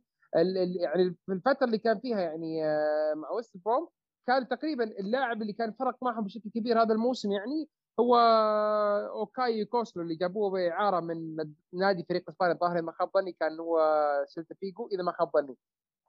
هو فارق معهم. بينما ميتلاند نايلز كان دوره جدا جدا عادي. حتى في اللقطات يعني اللي تشوف فيها القرارات فيها آه، يعني آه، تحتاج لاعب يعني لاعب وسط يلعب التمريرة الصحيحة. قراراته كانت جدا جدا سيئة. آه، منها يعني مباراة على سبيل المثال مباراة ليفربول مباراة تشيلسي كذلك لما لعب فيها. عدة مباريات كذلك ثانية يعني كان قراراته فيها. ما هي قرارات آه، لاعب تعتمد عليه في لاعب وسط يعني إذا ما هو لاعب قريب من كوكلين بدرجة كبيرة وإن كان كوكلين أفضل منه من ناحية التدريب من ناحية التمرير يعني من ناحية الانطلاق بالكرة. آه، فللأسف يعني أنا أشوف إذا إذا إذا نايلز فعلا يعني ما بيشوف نفسه آه، ك utility player مع أرسنال ما أتوقع إنه ممكن يستمر مع أرسنال وأتمنى إنه أرسنال يحاول يطلع منه في أبلغ أكثر مبلغ ممكن يعني أرسنال كان معروض له 50 مليون الصيف الماضي ما أتوقع إنه 15 مليون عفوا الصيف الماضي ما أتوقع إنه ممكن يطلع فيه بهذا المبلغ مرة ثانية. هو هو أنا أعرف إنه هو مش مفضل عند غالبيه الجماهير يعني لكن هو لو نشوف كل فرق العالم يعني كل فرق العالم عندها لاعبين آه، من اللاعبين اللي يلعبون في أكثر من مركز يعني أو utility player نفس ما يقول نايلز يعني عن نفسه. ف يعني لاعب مثل ناتشو هذا الموسم في ريال مدريد يعني لعب لعب كقلب دفاعي فترة طويلة بسبب غياب فاران وراموس ولعب كظهير أيمن. وقت اصابه كارفاخال ولعب أيضا ظهير أيسر يعني فعلا يعني ف فنايلز الفترة اللي لعب فيها ظهير أيسر ضد محرز ضد أداما تراوري ضد صلاح يعني ثلاث لاعبين بجودة يعني مختلفة عندهم عندهم مميزات كبيرة يعني وكل لاعب مختلف عن الآخر لعب يعني فترة جيدة صراحة. وفترة الظهير الأيمن مع مع أرسين فينجر وحتى مع أوناي إمري كان في في في فترة من الفترات ممكن يكون الظهير الأول في أرسنال. فاصرار الغريب على لاعب وسط يعني شيء شيء جدا غريب صراحة. هو لاعب عنده عيوب كثيرة. ولكن عنده يعني عنده هامش تطور ممكن. يعني كان في عمر أصغر من هذا قبل سنتين كان يقدر يركز على موضوع معين ويتطور ونشوفه في في في مستوى أعلى يعني. لكن هو ضيع على نفسه وأنا آه، أنا مع مع بيعة يعني. ومثل ما قلت الدكتور ممكن ما نحصل 15 مليون اللي حصلناها من الولف الصيف الماضي لكن أنا مع بيعة يعني صراحة سواء 10 12 أو 15 الصيف هذا. واتوقع مع خيارات الفترة الحالية أتوقع أفضل خيار بالنسبة لنايلز كذا لاعب ثاني ممكن يتكلم عنهم هي الإعارة مع إجبارية مع إجبارية الشراء يعني لأنه آه، إذا لعب عند مباريات معين لأنه آه، إنك مسألة إنك تبيع آه، نايلز أو غيره في هذا السوق في هذا الوقت صعب جدا جدا جدا خصوصا مع الاوضاع المتقلبه حاليا يعني في الخسائر المالية وما إلى ذلك يعني. صح. في لاعب آخر دكتور يعني ما ودي أقول مفاجأة أو أو يعني أو أو شيء يعني فعلا ما كان متوقع ابدا اللي هو اللي هو تشامبرز. إنه إنه تقريبا وصلنا في فترة من الفترات تشامبرز كان الظهير الأول في الفريق يعني. آه، أنا مؤمن جدا بإمكانيات شامبرز شامبرز على على الكرة لمسته على الكرة جدا جدا جميلة يعني. من أيام اللي ظهر فيها مع أرسنال من أول مرة. لكن كان مشكلته إنه كان يلعب في أماكن تطويرية له. لين يتأقلم على المركز النهائي له في قلب الدفاع. يعني آه، هو كان يشوف نفسه كقلب دفاع آه، وإنه الظهير الايمن هي فترة تطوير يعني معينة أو وحاول يؤدي بأقصى قدر ممكن في هذا المركز. لكن لما الفترة اللي رجع فيها ولعب قلب دفاع للأسف يعني أصيب فيها ضد تشيلسي وبالرباط الصليبي لما حتى لما رجع كان مقدم مستويات جدا جدا ممتازة أنا أشوفها في نظري يعني. آه وثبت نفسه على إمكانياته الحالية يعني. أنت بتشوف لاعب مثلا زي تشامبرز ال profile حقه جسمه ما هو جسم لاعب يلعب كظهير يمين كأنه كأنه دان بيرن مع برايتون يعني. ما هو ظهير يسار يعني. جسمه وإمكانياته ما هي إمكانيات ظهير. آه إمكانيات لاعب يعني قلب دفاع. آه أنا أشوف شامبرز آه آه يعني آه من اللعيبة اللي لازم يبقى مع أرسنال صراحة. لاعب home آه، grown قادر ويقدر ويبغى يلعب ك utility player ويقدر يلعب في كذا مركز سواء قلب دفاع كقلب آه كظهير يمين حتى كمحور يعني لما لعب الفترة فيها مع فولهام محور كان آخر أفضل لاعب في الموسم عندهم. فانا أشوف إنه خيار جيد يعني تشامبرز أتمنى إنه يظل يعني مع أرسنال. أتفق معك تماما وأنا مع بقائه وهو محترف جيد يعني صراحة شخصيته ممتازة محبوب بين اللاعبين. ومثل ما قلت يعني أتفق نقطه انه فعلا جسمه أو أو طوله ما ما يبين اللمسة اللمسة الأولى الممتازة عنده يعني. ف دائما حتى يعني الكرات الطويلة اللي اللي تلعب له دائما يستلمها باستلام ممتاز صراحة. مباراة سلافيا براغ الشوط الأول فيها لقطات كثيرة يعني كان كان في تركيز كبير على الكور الطويلة للشامبرز فأي احد ممكن يشوف هذا الشيء في مباراة براغ. بيلاحظ هذا الشيء بشكل ممتاز يعني خاصة حتى حتى عرضياته آه، في أكثر من عرضية. في عرضية ضد برايتون آه، كانت الكرة ملعوبة له كرة طويلة ولعبها نعم لعبها من لمسة واحدة وأذكر حتى في مباراة وسام آه، في عرضيتين كانت من لمسة واحدة وكانت ممتازة فاللاعب يعني عنده يعني قدرة تقنية جيدة على الكرة مكنته إنه يظهر بشكل جيد يعني وسط الملعب وسط الملعب مع فولهام وظهير أيمن مع أرسنال. اللاعب الآخر دكتور اللي أعتقد ممكن يسبب ضجة بشكل كبير بداية الموسم إذا إذا كان في قرار أنا ما اتمناه يحصل يعني اللي هو خروجه أو عدم لعبه اللي هو سليبه. أه اللاعب صراحة إحنا عاملناه بشكل جدا سيء. أتمنى العلاقة ما انتهت وأتمنى نرجع نشوفه في أرسنال. لاعب استثمرنا فيه تقريبا 29 مليون أو 28 مليون. أه وقت قدومه لأرسنال الفيديو اللي سواه يعني كان في حماس كبير على اللاعب. وأي شخص يعني يتابع الدوري الفرنسي آه، كان يتكلم عن عن البوتنشل اللي عنده إن اللاعب عنده إمكانيات كبيرة. يعني اللاعب أنا شفت له مباراة واحدة صراحة واللي الآن أتذكرها مباراة آه، نص نهائي كأس فرنسا سانتيان مع مع نيس. بداية المباراة تسبب بركلة جزاء آه، لكن طلع من المباراة كأفضل لاعب في المباراة يعني. فقدم قدم مستوى, كبير صنع الهدف اللي سجلوه في الدقيقة الأخيرة وصل لنهائي الكأس لكن اللي صار بعدها إنه ما لعب النهائي بسبب قرار أرسنال أو عدم اتفاق أرسنال مع سانتيان اللاعب قدم مستوى جيد حسب الإحصائيات اللي شفتها. للامانه ما شفت أي مباراة له ممكن شفت نص ساعة آه، أو شوط يعني له في الفترة هذه فما ودي أحكم عن المستوى أنا ما شفته لكن رقميا الناس اللي يتكلمون عن مستوى فترته مع نيس قدم مستوى جيد لكن أتمنى إن العلاقة ما انتهت ويرجع يلعب أو يأخذ فرصته بشكل كامل مع أرسنال. آه هو أتوقع إنه هو يعني مجبر إنه يرجع مع أرسنال لكن أتوقع إذا استمر الموضوع يعني مع أرسنال بنفس التعامل حاليا ما أتوقع إنه هو نفسه يعني يشوف نفسه مع أرسنال على المدى البعيد يعني للأسف تعامل أرتيتا كان جد معه جدا جدا سيء يعني أرتيتا ماخذ الموضوع شخصيا مع صليبا وحتى كذلك مع بيبي أتوقع كمخلفات من ال من إيمري وفترة ايمري إنه اللعيبة هذول أنا ما أبغاهم ولا أفكر عليهم موجودين حاليا معي ولا أقدر اتخلص معهم. آه، ف يعني لما تشوف تصريح مثلا أرتيتا عن آه، ويليان وديفيد لويز آه، تصريح جدا مختلف لما يشوف يتكلم مثلا عن بيبي ويتكلم عن صليبا مع إني أنا أشوفهم اثنينهم يعني هذول لعيبه للمستقبل وأعمارهم يعني صغار ولعيبة ممكن تبني عليهم الفريق ال squad حقك يعني. صليبا في مباريات كثيرة شفت له مع نيس كان يقدم مستويات جيدة لكن ما تقدر تحكم بشكل كبير على الدوري الفرنسي. لكن لما تتكلم عطفا على أو بالمقارنة تتكلم عن لاعب مثل ويسلي فوفانا كان معه كان زميله في سان ايتيانو كان يعني نوعا ما يعتبر المدافع الثاني بعد صليبا ويقدم مستويات جدا ممتازة ويحصل على أفضل لاعب آه، مع آه، ليستر سيتي الموسم هذا. معناته إنه آه، المجال للتطور صليبه أعلى بكثير خصوصا يعني الامكانيات الجسمانيه لصليبة أفضل بكثير يعني من فوفان بمراحل كثيرة. وقراءته على اللعبة وطريقه بناء الجسم أو طريقة بناء الكرة جدا جدا ممتازة.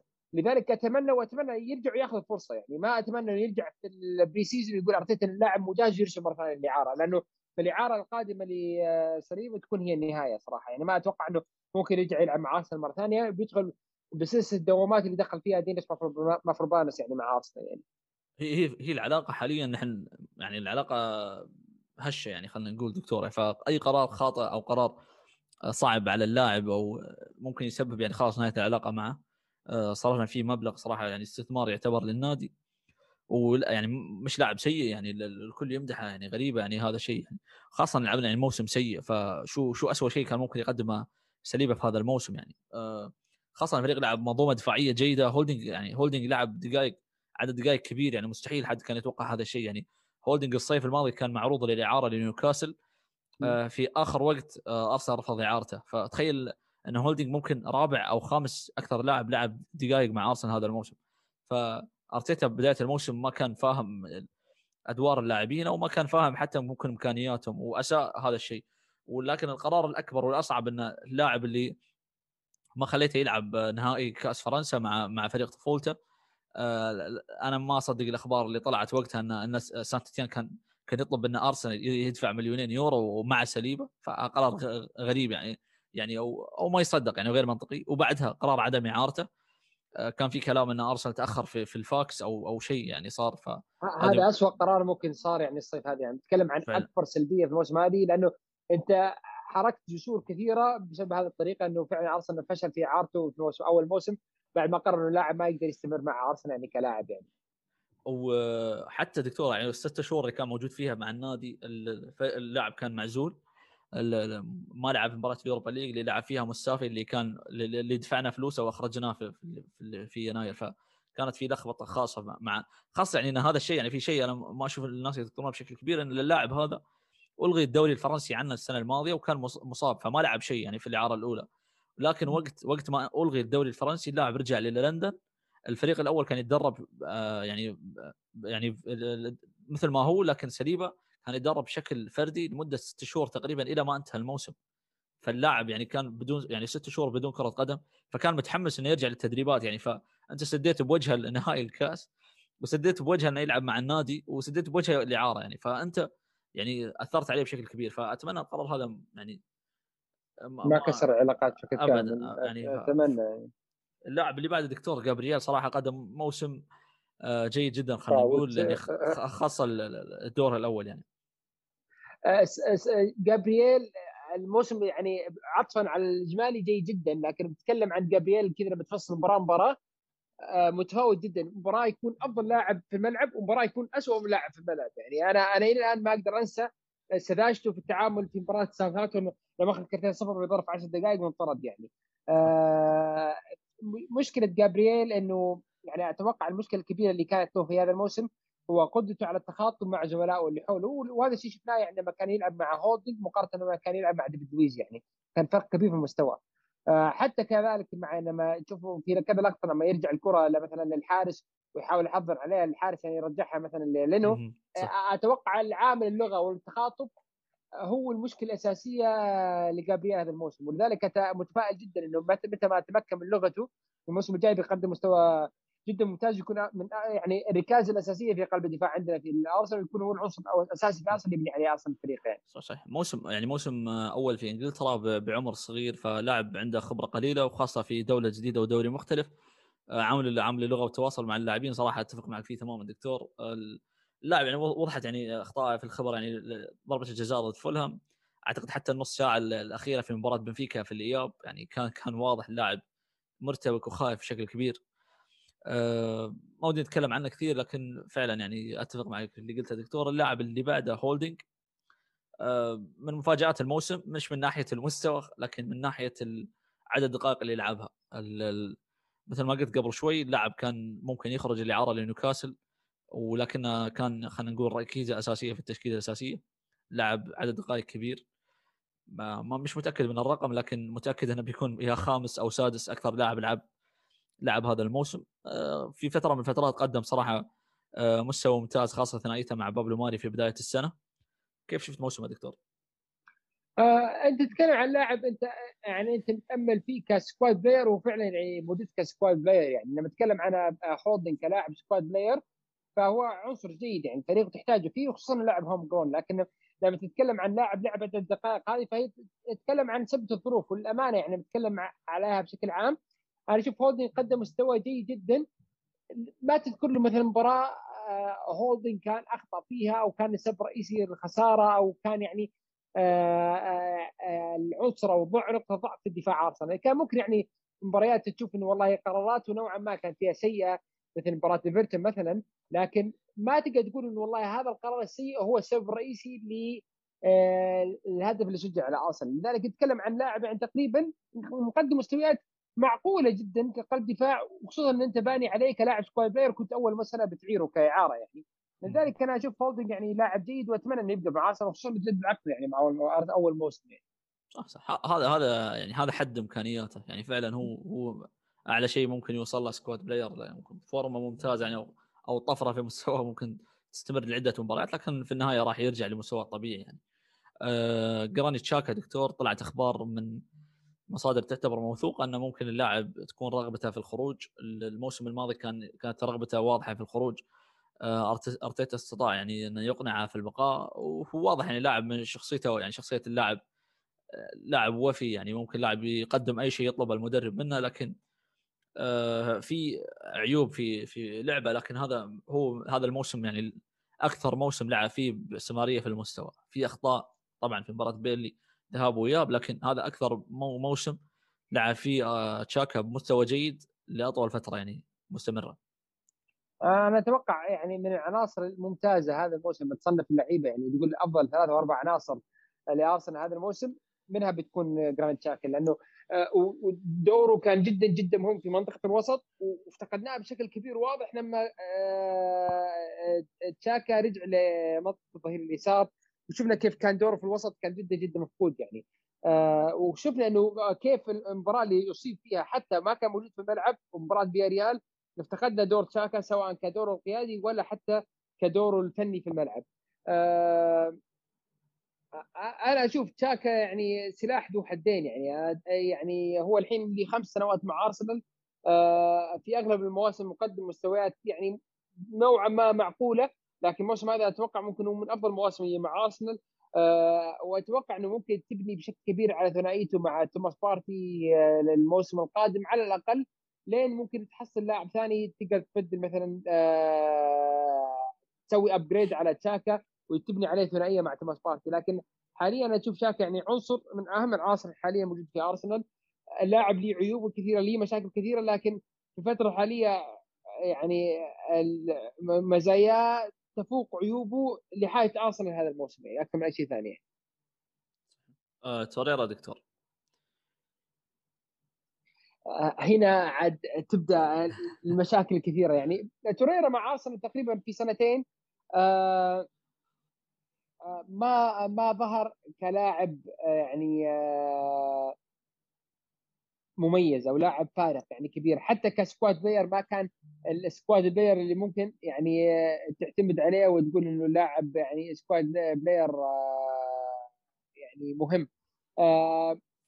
اللاعب مر بأزمات كثيرة أزمة تأقلم أزمة ثقة آه، ظروف اسريه ما ما ما كان يعني بيكون يعني آه، انتقاله لإنجلترا خيار ناجح له. وأتوقع يعني كلها يعني آه، الزواج انتهى بالفشل يعني صفقة توريرا مع أرسنال. وإن كان يعني كفنيا اللاعب ممكن يبني عليه أرسنال ك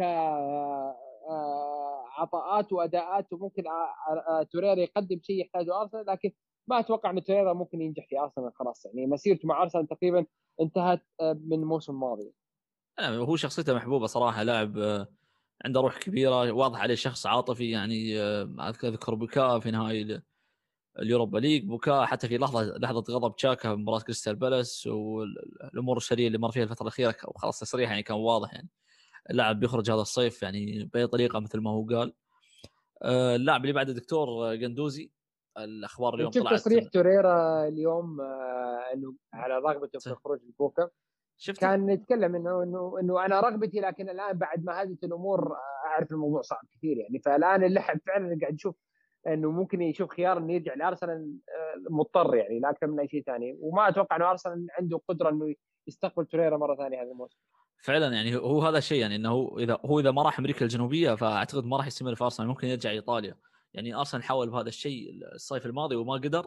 وحتى في يناير يعني طلع أرتيتا بتصريح واضح يعني أذكر بداية يناير. ممكن قبل مباراة السبرون في مؤتمر مؤتمر هذه المباراة يعني كان يقول إن إيدو في تواصل مع مع توريرا ونحن قاعدين ممكن نوجد له النادي آه، يستقبله بشكل أفضل. يعني انه حاليا هو ما لعب بالدقائق اللي كنا نأمل فيها في أتلتيكو مدريد ف وما تأقلم بشكل واضح. فهو عنده مشكلة تاقلم واضح يعني لاعبين أمريكا الجنوبية يعني الفترة الأخيرة ممكن تغيروا لكن كان معروف عنهم في الفترة السابقه إنهم لعيبة عندهم ارتباط عاطفي بشكل كبير دائما حتى وقت تنقلهم في أوروبا تكون عائلاتهم بشكل كبير معاهم يعني آه، وحتى أصدقائهم يعني. ذكر نيمار اللي آه، يأخذ أصدقاء بطيارة خاصة يعني وبعدد كبير يعني دائما من برازيل إلى فرنسا وإلى برشلونة سابقا. اللاعب اللي كنت بقول لك عنه هو الدكتور اللي هو قندوزي كان في أخبار اليوم عن اهتمام مارسيليا, مارسيليا فيه. اللاعب اعتقد خلاص العلاقة هنا العلاقة انتهت يعني. علاقته مع أرتيتا واضح انها انتهت. اللاعب ممكن أسهمه كانت عالية الفترة الأخيرة. كابتن منتخب آه، فرنسا تحت 21 سنة. ممكن ممكن يبرز بشكل كبير في الفترة القادمة لكنه أصيب. ممكن ما يلعب اليورو. أعتقد إذا المعلومة هذه صحيحة. ما استدعى اليورو. استبعد من اليورو هو أو ويزلي فافانا. ما أخذوهم بسبب الإصابة يعني. للأسف صح. يعني. ف آه، أنا قندوزي من اللعيبة اللي يعجبوني للأمانة يعني اداءاته وروح بالملعب تعجبني جدا لكن مشكلته عقليته الصغيرة هذه هي اللي مودته لورا يعني يعني لو قدوزي عنده العقلية اللي اللي, اللي تنقل للمستوى الثاني كان ممكن تشوف يعني لاعب من أفضل لعيبة الوسط في العالم هذا رأيي الشخصي يعني أنا أشوفه في قدوزي لكن مشكلته عقليته السيئة هي اللي مرجعته لورا والدليل تصريحات حتى لعيبة هرت برلين ومدربي هرت برلين عن قدوزي كثير منه يقولون لاعب ممتاز لكن عقليته هذه ما تشوفها حتى في طلاب مدرسة. آه، وخصوصا يعني حاليا إنه باقي له سنة في عقده. آه، أتوقع أرسنال ما بيجدوا عقده أكيد 100% فأرسنال في هذه الحالة مضطر إنه يا إما يستمر بقندوزي السنة هذه ويشوف آه، إيش وضعه الست شهور الجاية ويجدد له أو إنه يبيعه من أول موسم. خصوصا إنه أرتيتا يعني مشطب عليه من بعد مباراة برايتون الموسم الماضي. يعني. صح. ال... شفت تصريح يعني لهنري وينتر الصحفي آه، كان يقول إن في مباراة من المباريات كان موجود يعني في خلف دكة أرسنال وكان ملاحظ على قندوزي يعني كانت هذه المرة الثانية اللي هو يشوفه فيها ويقول يعني خلاص أنا حكمت عليه إن اللاعب هذا عنده مشكلة في السلوك ومشكلة واضحة. ففعلا يعني حتى الكلام في ارتا برلين أذكر يعني اللاعب البرازيلي كونيا تكلم بشكل واضح يعني تخيل لاعب زميلك في الفريق يتكلم عنك بهذا الشكل يعني تكلم عن اللاعب عنده مشكلة انضباطية كلام المدرب كلام المدير الرياضي. ففعلا لاعب عنده بوتنشل عنده إمكانيات أنا فعلا أتفق فيها أتفق معك فيها.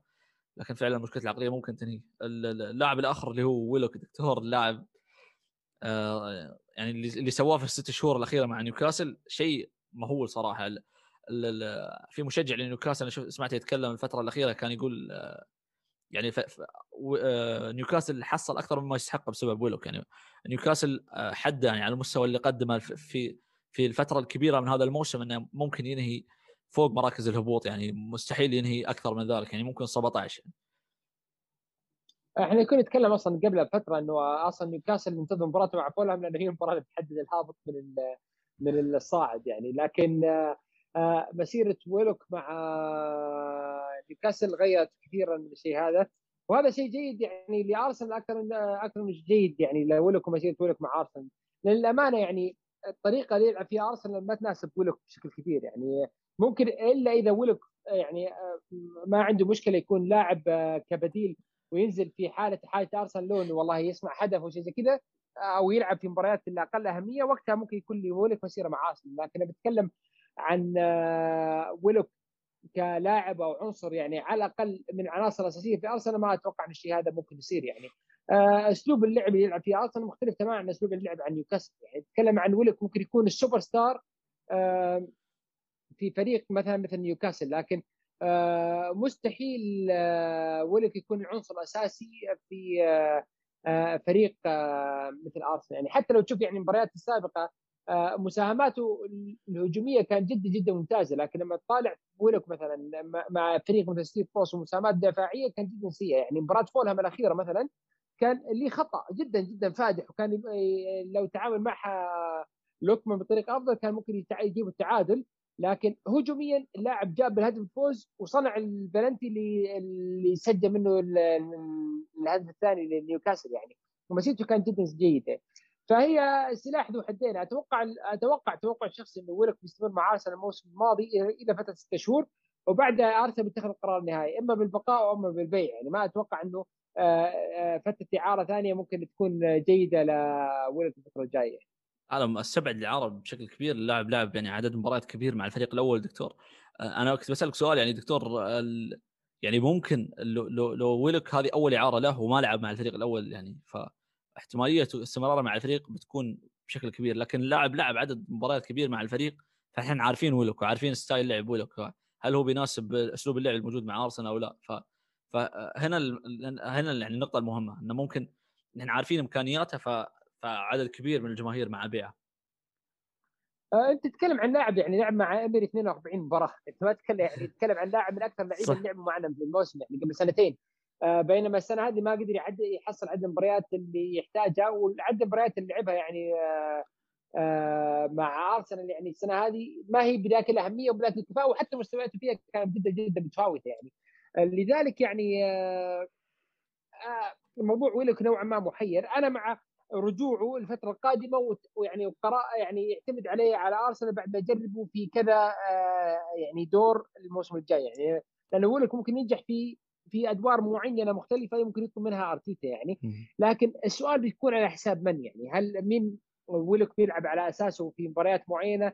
هل بيلعب على أساس على حساب سميث رو ولا ساكا ولا بيبي؟ ما أتوقع إنه سميث رو إنه ويلوك أفضل منهم في هذه في هذه الأماكن يعني. لا أنا بصراحة مع بيع يعني عرض عرض 25 أو 30 آه، مليون صراحة راح أبيع فيه ويلوك أعتقد ممكن هذه أعلى فترة ممكن نحصل فيها مبلغ من ويلوك آه هذا أنا... لو تشوف تصريح آه. أورنستين اليوم يقول إنه آه يعني إذا يبدو يعني المبالغ اللي وصلت ارسنال بين 10 و 15 مليون. لذلك ارسنال رافض جدا إنه يبيع بهالمبلغ وبيرجع يعني. لكن آه هي المسألة أتوقع بتبان يعني مع مرور الوقت يعني. لكن إذا فعلا يعني زي مثلا صفقة إيوبي يعني. إيوبي كان من اللعيبة الأساسيين في أرسنال وكان لاعب حتى مباراة نيوكاسل الموسم الماضي كان أساسي. آه فجأة جاء خبر ايفرتون وارسنال باعه يعني. نتكلم عن 37 أو 38 مليون في ويلوك أنا أبيع اللاعب وأنا مغمض حتى أوصل بيدي إلى إيفرتون يعني. نفس الشيء بيكون ويلوك يعني نفس الطريقة يعني. عرض لا يرفض يعني. إي إذا جبت لي عرض لا يرفض أنا أنا مع مع بيعه تماما يعني. صح لكن صح. أنا أتكلم عن 15 مليون أو هذه ما أتوقع إنه يعني خيار جيد.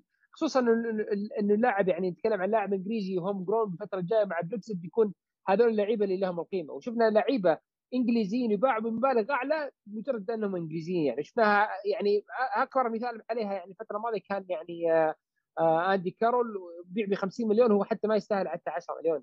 صح صح صح بشكل كبير يعني 15 مليون هذه أنا ما راح أبيع فيها ويلوك ابدا يعني. راح أفضل الاستمرار لكن عرض أكبر 25 30 راح أكون مع بيعه. اللاعب الآخر دكتور اللي موضوعه كان محير الموسم هذا اللي هو ريس نيلسون آه، على حسب الأخبار إن في الصيف الماضي كانت في عروض إعارة أرسنال كان يرغب في إعارته اللاعب رفض هذا الشيء وكان مصر على أنه يقاتل على فرصته. آه هذا الشيء ما صار آه في, في يناير آه أرسنال أصر على إعارته لكن كانت الإعارات ما كانت مناسبة فاللاعب رفضها. يعني على هذا كلام تشارلز واتس. بالنسبة لي أنا كنت برتب يعني قبل قلت هذا الكلام عن اللاعبين الأربعة اللي هم الهيل إند ساكا وويلوك هم الأعلى آه، أعلى عن نيلسون ونكيتيا. فنيلسون عنده إمكانيات يعني عنده هامش تطور لاعب صغير أظهر يعني بعض المباريات إنه في عنده ميزه الجري بالكرة لاعب سريع لكن صراحة السنة هذه ضاعت من عمره وما استفاد منها بشكل ممتاز. آه، في كلام عن مشكلة انضباطية كان سبب فيها هذا الموسم آه، اللي هو تأخر المستمر. لكن هذه ما أؤكدها صراحة معلومة مش مؤكدة فما ودي أظلمها. كيف شفت يعني كيف تشوف موضوع نيلسون دكتور؟ آه، أنا للأسف يعني من أكثر اللعيبة اللي أحزن عليهم هو ريس نيلسون لأنه في فترة معينة من الفترات كان ريس نيلسون يفضلوه على لاعب مثل سانشو. يعني حاليا وإحنا شايفين سانشو وين وصل وشايفين نيلسون وين وصل للأسف يعني. آه آه مشكلة آه يعني أتوقع نيلسون نوعا ما إنه لاعب غير قادر على التأقلم حاليا على بيئة خارج لندن. وإن كانت يعني إعاراته السابقة كانت جدا ناجحة. يعني إعارته مع هوفنهايم كانت أتوقع يعني نوعا ما محورية في تطور آه، نيلسون. لكن الإصابات اللي اللي دخل فيها نيلسون نوعا ما أثرت كثير بشكل كبير على ذهنيته وعلى كيف إنه نيلسون يشوف نفسه في المستقبل. لذلك هذا أتوقع في نظري السبب الرئيسي اللي خلى نيلسون رافض انه يعار يعني آه لأي نادي ثاني الفترة الجاية وانه يحاول على فرصته. أنا أشوف اللاعب قاعد يحاول حتى في صور التدريبات وصور المقاطع حق تدريبات اللاعب قاعد يجتهد وحتى في لقطات كثيرة كان هو اللاعب الأبرز يعني في التدريبات لكن هذا لا يعني شيء إذا كان المدرب فعلا ما مقتنع بقدراتك إنك فعلا تنافس على الشيء هذا. وبالأمانة يعني نيلسون الفترة الماضية ما يقدم شيء مثلا يخليني إني أجلس مثلا آه، بيبي أو حتى سميث رو ولا ساكا على اساسك إنك تلعب آه، كجناح. لأنه هذول قاعدين يقدموا مستويات جدا ممتازة وأنت ما أخذت فرصتك لما جتك في أماكن برا يعني, يعني تطلع على نادي ثاني ف نيلسون أنا أتوقع إنه بشكل كبير إما يعار الموسم القادم أو يباع يعني ويباع يعني بمبلغ جدا بسيط يعني ما أتوقع ان ارسنال ممكن يحصل منه شيء كبير يعني. أنت مع بيع دكتور ولا بقاه؟ على الفترة الحالية والعطاءات الحالية أنا أنا يعني أنا أكره إني مثلا أضحي في لاعب من اكاديميه ارسنال لكن على العطاءات الحالية الفترة الحالية أتوقع إنه أفضل حل لكل الطرفين إنه ينباع يعني. ما أتوقع إنه مسيرة آه، نيلسون قادر على انعاشها في الفترة الحالية يعني. أتوقع خلاص في الفترة الحالية أما لاعب يكون من أندية الهبوط في إنجلترا في يعني Premier League أو حتى لاعب شاب شاب صح صح. يعني السنة السنة ضاعت من عمره صراحة. آه، بعد إعارة جيدة مع هوفنهايم لكن هذه السنة ضاعت من عمره عمره 21 سنة الآن. وجود مارتينيلي موجود ساكا سميث رو وبيبي. أنا أنا مش مع ربط عدد دقائق نيلسون بوجود ويليان. أعتقد عدد اللاعبين اللي أمامه كبير يعني مش بس ويليان اللي اللي حرمه من الدقائق. ف أنا مع بيع نيلسون. مثل ما قال الدكتور صراحة ما أحب أبيع لعيبه الأكاديمية يعني وهذا شيء من DNA أرسنال يعني. لعيبه الأكاديمية دائما تحب تشوفهم يعني خاصة حتى نتكلم عن انديتنا المحلية. يعني كل كل مشجع محلي دائما يحب يشوف فريق اللاعبين اللي يخرجون من النادي يعني أو أبناء النادي. ف لكن هو فعلا يعني أنا مع بيع صراحة. اللاعب الآخر اللاعب آه، المصري محمد النني صراحة من اللعيبة اللي طورها هذا الموسم دكتور. آه النني تطور آه، لأنه يقدم أداءات مطلوبة منه بالحرف. يعني ما يقدر يعني ما هو لاعب اللي عنده مثلا حرية نوعا ما إنه يقدم شيء مختلف عن الشيء المطلوب منه يعني النني السنة هذه. قاعد يقدم الدور المطلوب منه بالحرف وإن كان في فترة معينة من الفترات يعني آه، بسبب انه نوعا ما يعطل بناء الهجمة في أرسنال يعني الشيء هذا. لكن هذه الأدوار المطلوب منه من أرسنال. نتكلم عن لاعب باقي في عقده سنة واحدة عمره 28 سنة الآن تقريبا أو 29 سنة.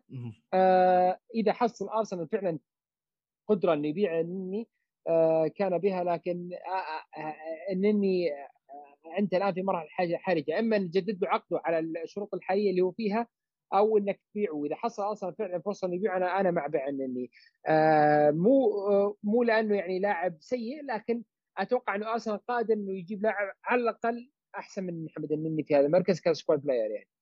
أه، حتى يا دكتور فعليا لو بتكلم عن عن عقد النني لمدة سنة سنة واحدة خلينا نقول يعني بداية الموسم عادة ما تكون في عدد إصابات كبيرة فهو لاعب squad player فما راح يلعب فيها. وبعدها راح يغيب شهر بسبب البطوله الأمم الأفريقية. فأقول تقريبا ممكن يغيب عن ثلاث أو أربع شهور من الموسم راح يتبقى فيها شهرين الحاسمه فما ودك تشوف لاعب اللي هو يعتبر squad player في المرحلة الحاسمة. فأعتقد السنة أنا أنا بالنسبة لي ما يكمل محمد النني هذه السنة إلا إذا كان ارسنال في مرحلة حرجة عدديا في عدد لاعبين الوسط. في هذه الحالة ممكن يستمر إلى نهاية عقده ويجدد له سنة.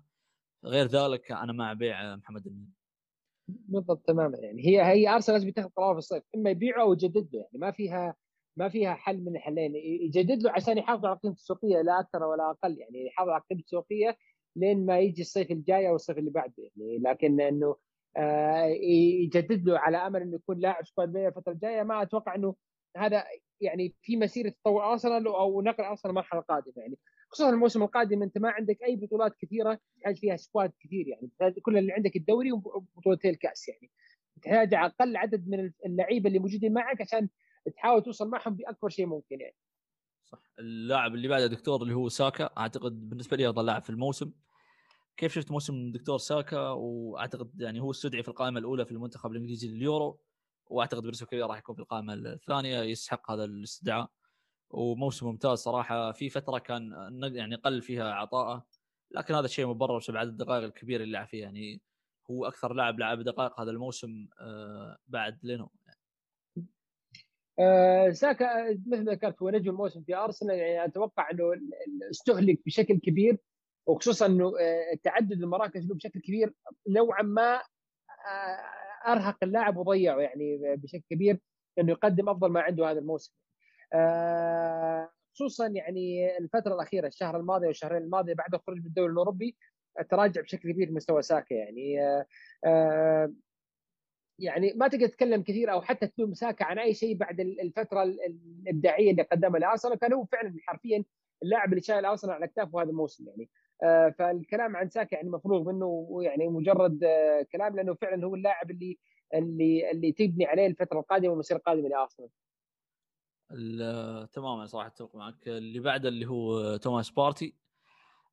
بصراحه أقل من المأمول لكن ممكن أبرر له هذا الشيء بسبب إصابته الطويلة اللي أثرت عليه بشكل كبير الموسم موسم أول في إنجلترا يحاول يتأقلم لكن لاعب سوبر ستار صراحة جاب 50 مليون تتمنى يندمج يعني أو ينضم للمجموعة بشكل كبير يعني أو بشكل سريع وتكون تأثيره كبير في الملعب بأسرع فترة. ممكنه هذا الشيء ما صار بشكل واضح أو فترة كبيرة هذا الموسم لكن في بعض المباريات صراحة منها مباراة ترافورد آه، عدد مباريات في في الدور الثاني ممكن كان مستوى جيد لكن صراحة في المباريات الحاسمه مستوى كان ما كان مميز صراحة خاصة مباراة فياريال.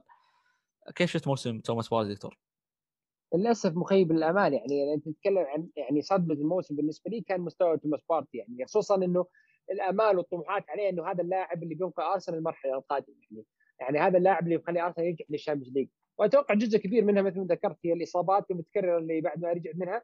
والشيء الثاني تأقلمه على بلد جديد يعني آه، مختلف آه، وبيئة جديدة. وفي وقت كورونا يعني في وقت lockdown أهاليك بعيدة عنك ما تقدر تستفيد منها. وخصوصا إنه الواضح من من يعني آه، بارتي إنه لاعب مرتبط اسرته بدرجة كبيرة.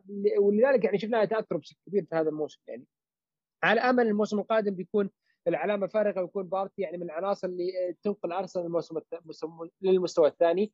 واتامل يعني بشكل كبير أنا على ثنائيته مع تشاكا الموسم القادم بتكون يعني نقطة نقل محورية لأرسنال السنة الجاية إن شاء الله. أتمنى والله. اللي بعد دكتور سميث رو آه، نقطة تحول صراحة في الموسم دخوله في مباراة تشيلسي. آه، كل شيء تغير يعني خاصة يعني أسلوب طبعا طريقة لعب الفريق تغيرت. يعني لو بتشوف الأرقام والإحصائيات آه، راح تشوف في علامة فارقة في, في, في وسط الموسم يعني. سميث رو صراحة موسم ممتاز. يعني إذا بنشوف اللاعب يعني تقريبا لعب خلينا نقول نص موسم فقط. يعني هو اللاعب أول مباراة لعبها في الموسم كانت في نهاية ديسمبر فتقريبا هو لعب نص موسم. ولكن الان نذكر يعني مباريات كثيرة لعب فيها بمستوى ممتاز وظهر فيها بشكل ممتاز. آه نتمنى المشكلة البدنية دكتور اللي عنده آه تتطور يعني ويقدر يلعب أسبوع ورا أسبوع. ممكن عدم وجود بطولة أوروبية الموسم القادم يساعد يطور هذا الشيء. آه مثل ما ذكرت فعلا يعني أتمنى من من آه, آه، سميث رو الموسم هذا أو الصيف هذا يشتغل على موضوع الناحية البدنيه بشكل كبير لأنه فعلا هذا الموضوع بيفرق معه. يعني في نظري أنا إن إن إن تحسن سميث رو من الناحية البدنيه إحنا بيدينا لاعب سوبر ستار إحنا نتكلم عن أرسنال محتاج لاعب مثل جريليتش إذا إذا تطور يعني سميث رو من الناحية البدنيه وعرف إنه يكون بدنيا قوي يكسب الالتحامات بشكل جيد ويتحكم باللقطات الأخيرة. مثل ما صار التطور الكبير يعني في مستوى جريليتش تقريبا مر بمسيرة مشابهة يعني لفترة سميثرو آه أنا متأمل إنه يكون عند اللاعب يعني منجم ذهب في المواسم القادمه خصوصا اللاعب يعني يعني آه، حرفيا لاعب بيحب أرسنال ويعشق أرسنال يعني ما يشوف أرسنال آه، كأي شيء ثاني يعني. فإحنا قدامنا فرصة كبيرة إنه يكون على على يعني على منجب ذهب الفترة القادمة وجود ساكا وسميثرو أتوقع أرسنال ممكن ينتقل لمرحلة ثانية بهذه اللعيبة. آه هي موضوع اللي اللي نوعا ما يعني نوعا مقلقني في موضوع سميثرو هو المركز النهائي له. يعني أنا ما ودي ندخل مع سميثرو في نفس التأرجح اللي صار مع ساكا ظهير يمين ظهير يسار آه، محور صانع لعب آه، جناح يمين جناح يسار. يعني أنا أتأمل مثلا في سميثرو إنه الموسم القادم يثبت على مركز أو مركزين لأنه هذه أتوقع جزء رئيسي من تطور اللاعب الفترة القادمة. تعديد المراكز بشكل كبير ممكن تضر اللاعب إنه يتطور يطلع أفضل ما عنده الفترة القادمة خصوصا لاعب يعني مثل سميثرو الصيف اللي قدامه الصيف القادم له بالنسبة لي الصيف كبير جدا لأنه آه، بشكل كبير بيحدد آه، وين آه، سميث رو بينتهي مع أرسنال يعني. بدنيا يحتاج يجهز نفسه بشكل كبير عشان يكون قادر على المواجهة الفترة القادمة. فعلا صراحة امالي كبيره يعني عليه صراحة. أتمنى يطور هذا الجانب. اللاعب اللي بعده دكتور الكلام عنه مضيعة وقت صراحة. ويليان موسم كارثي أقل من المامول بكثير يعني أنا ما ابيعه في الصيف بأي طريقة ممكنة. أنا إذا في إمكانية إنه ارسنال يلغي عقده ولو بخسارة أنا مع الشيء هذا يعني. خصوصا حاليا يعني الأخبار كثيرة كلها طالعة إنه ويليان ما يبغى يقعد مع أرسنال ولا أرسنال يبغاه يعني بشكل كبير. وأتوقع جزء منها حتى تصرفات أرتيتا معه الفترة الأخيرة اللاعب آه، ما ينزل على الدكة بشكل كبير.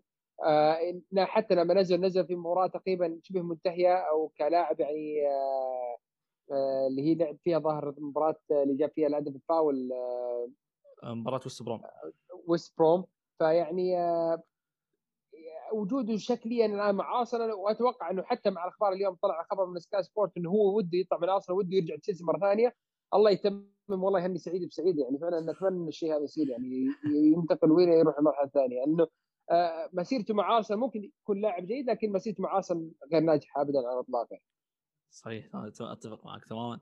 آه، اللاعب اللي بعده تكلمنا عنه كثير في البداية اللي هو بيبي.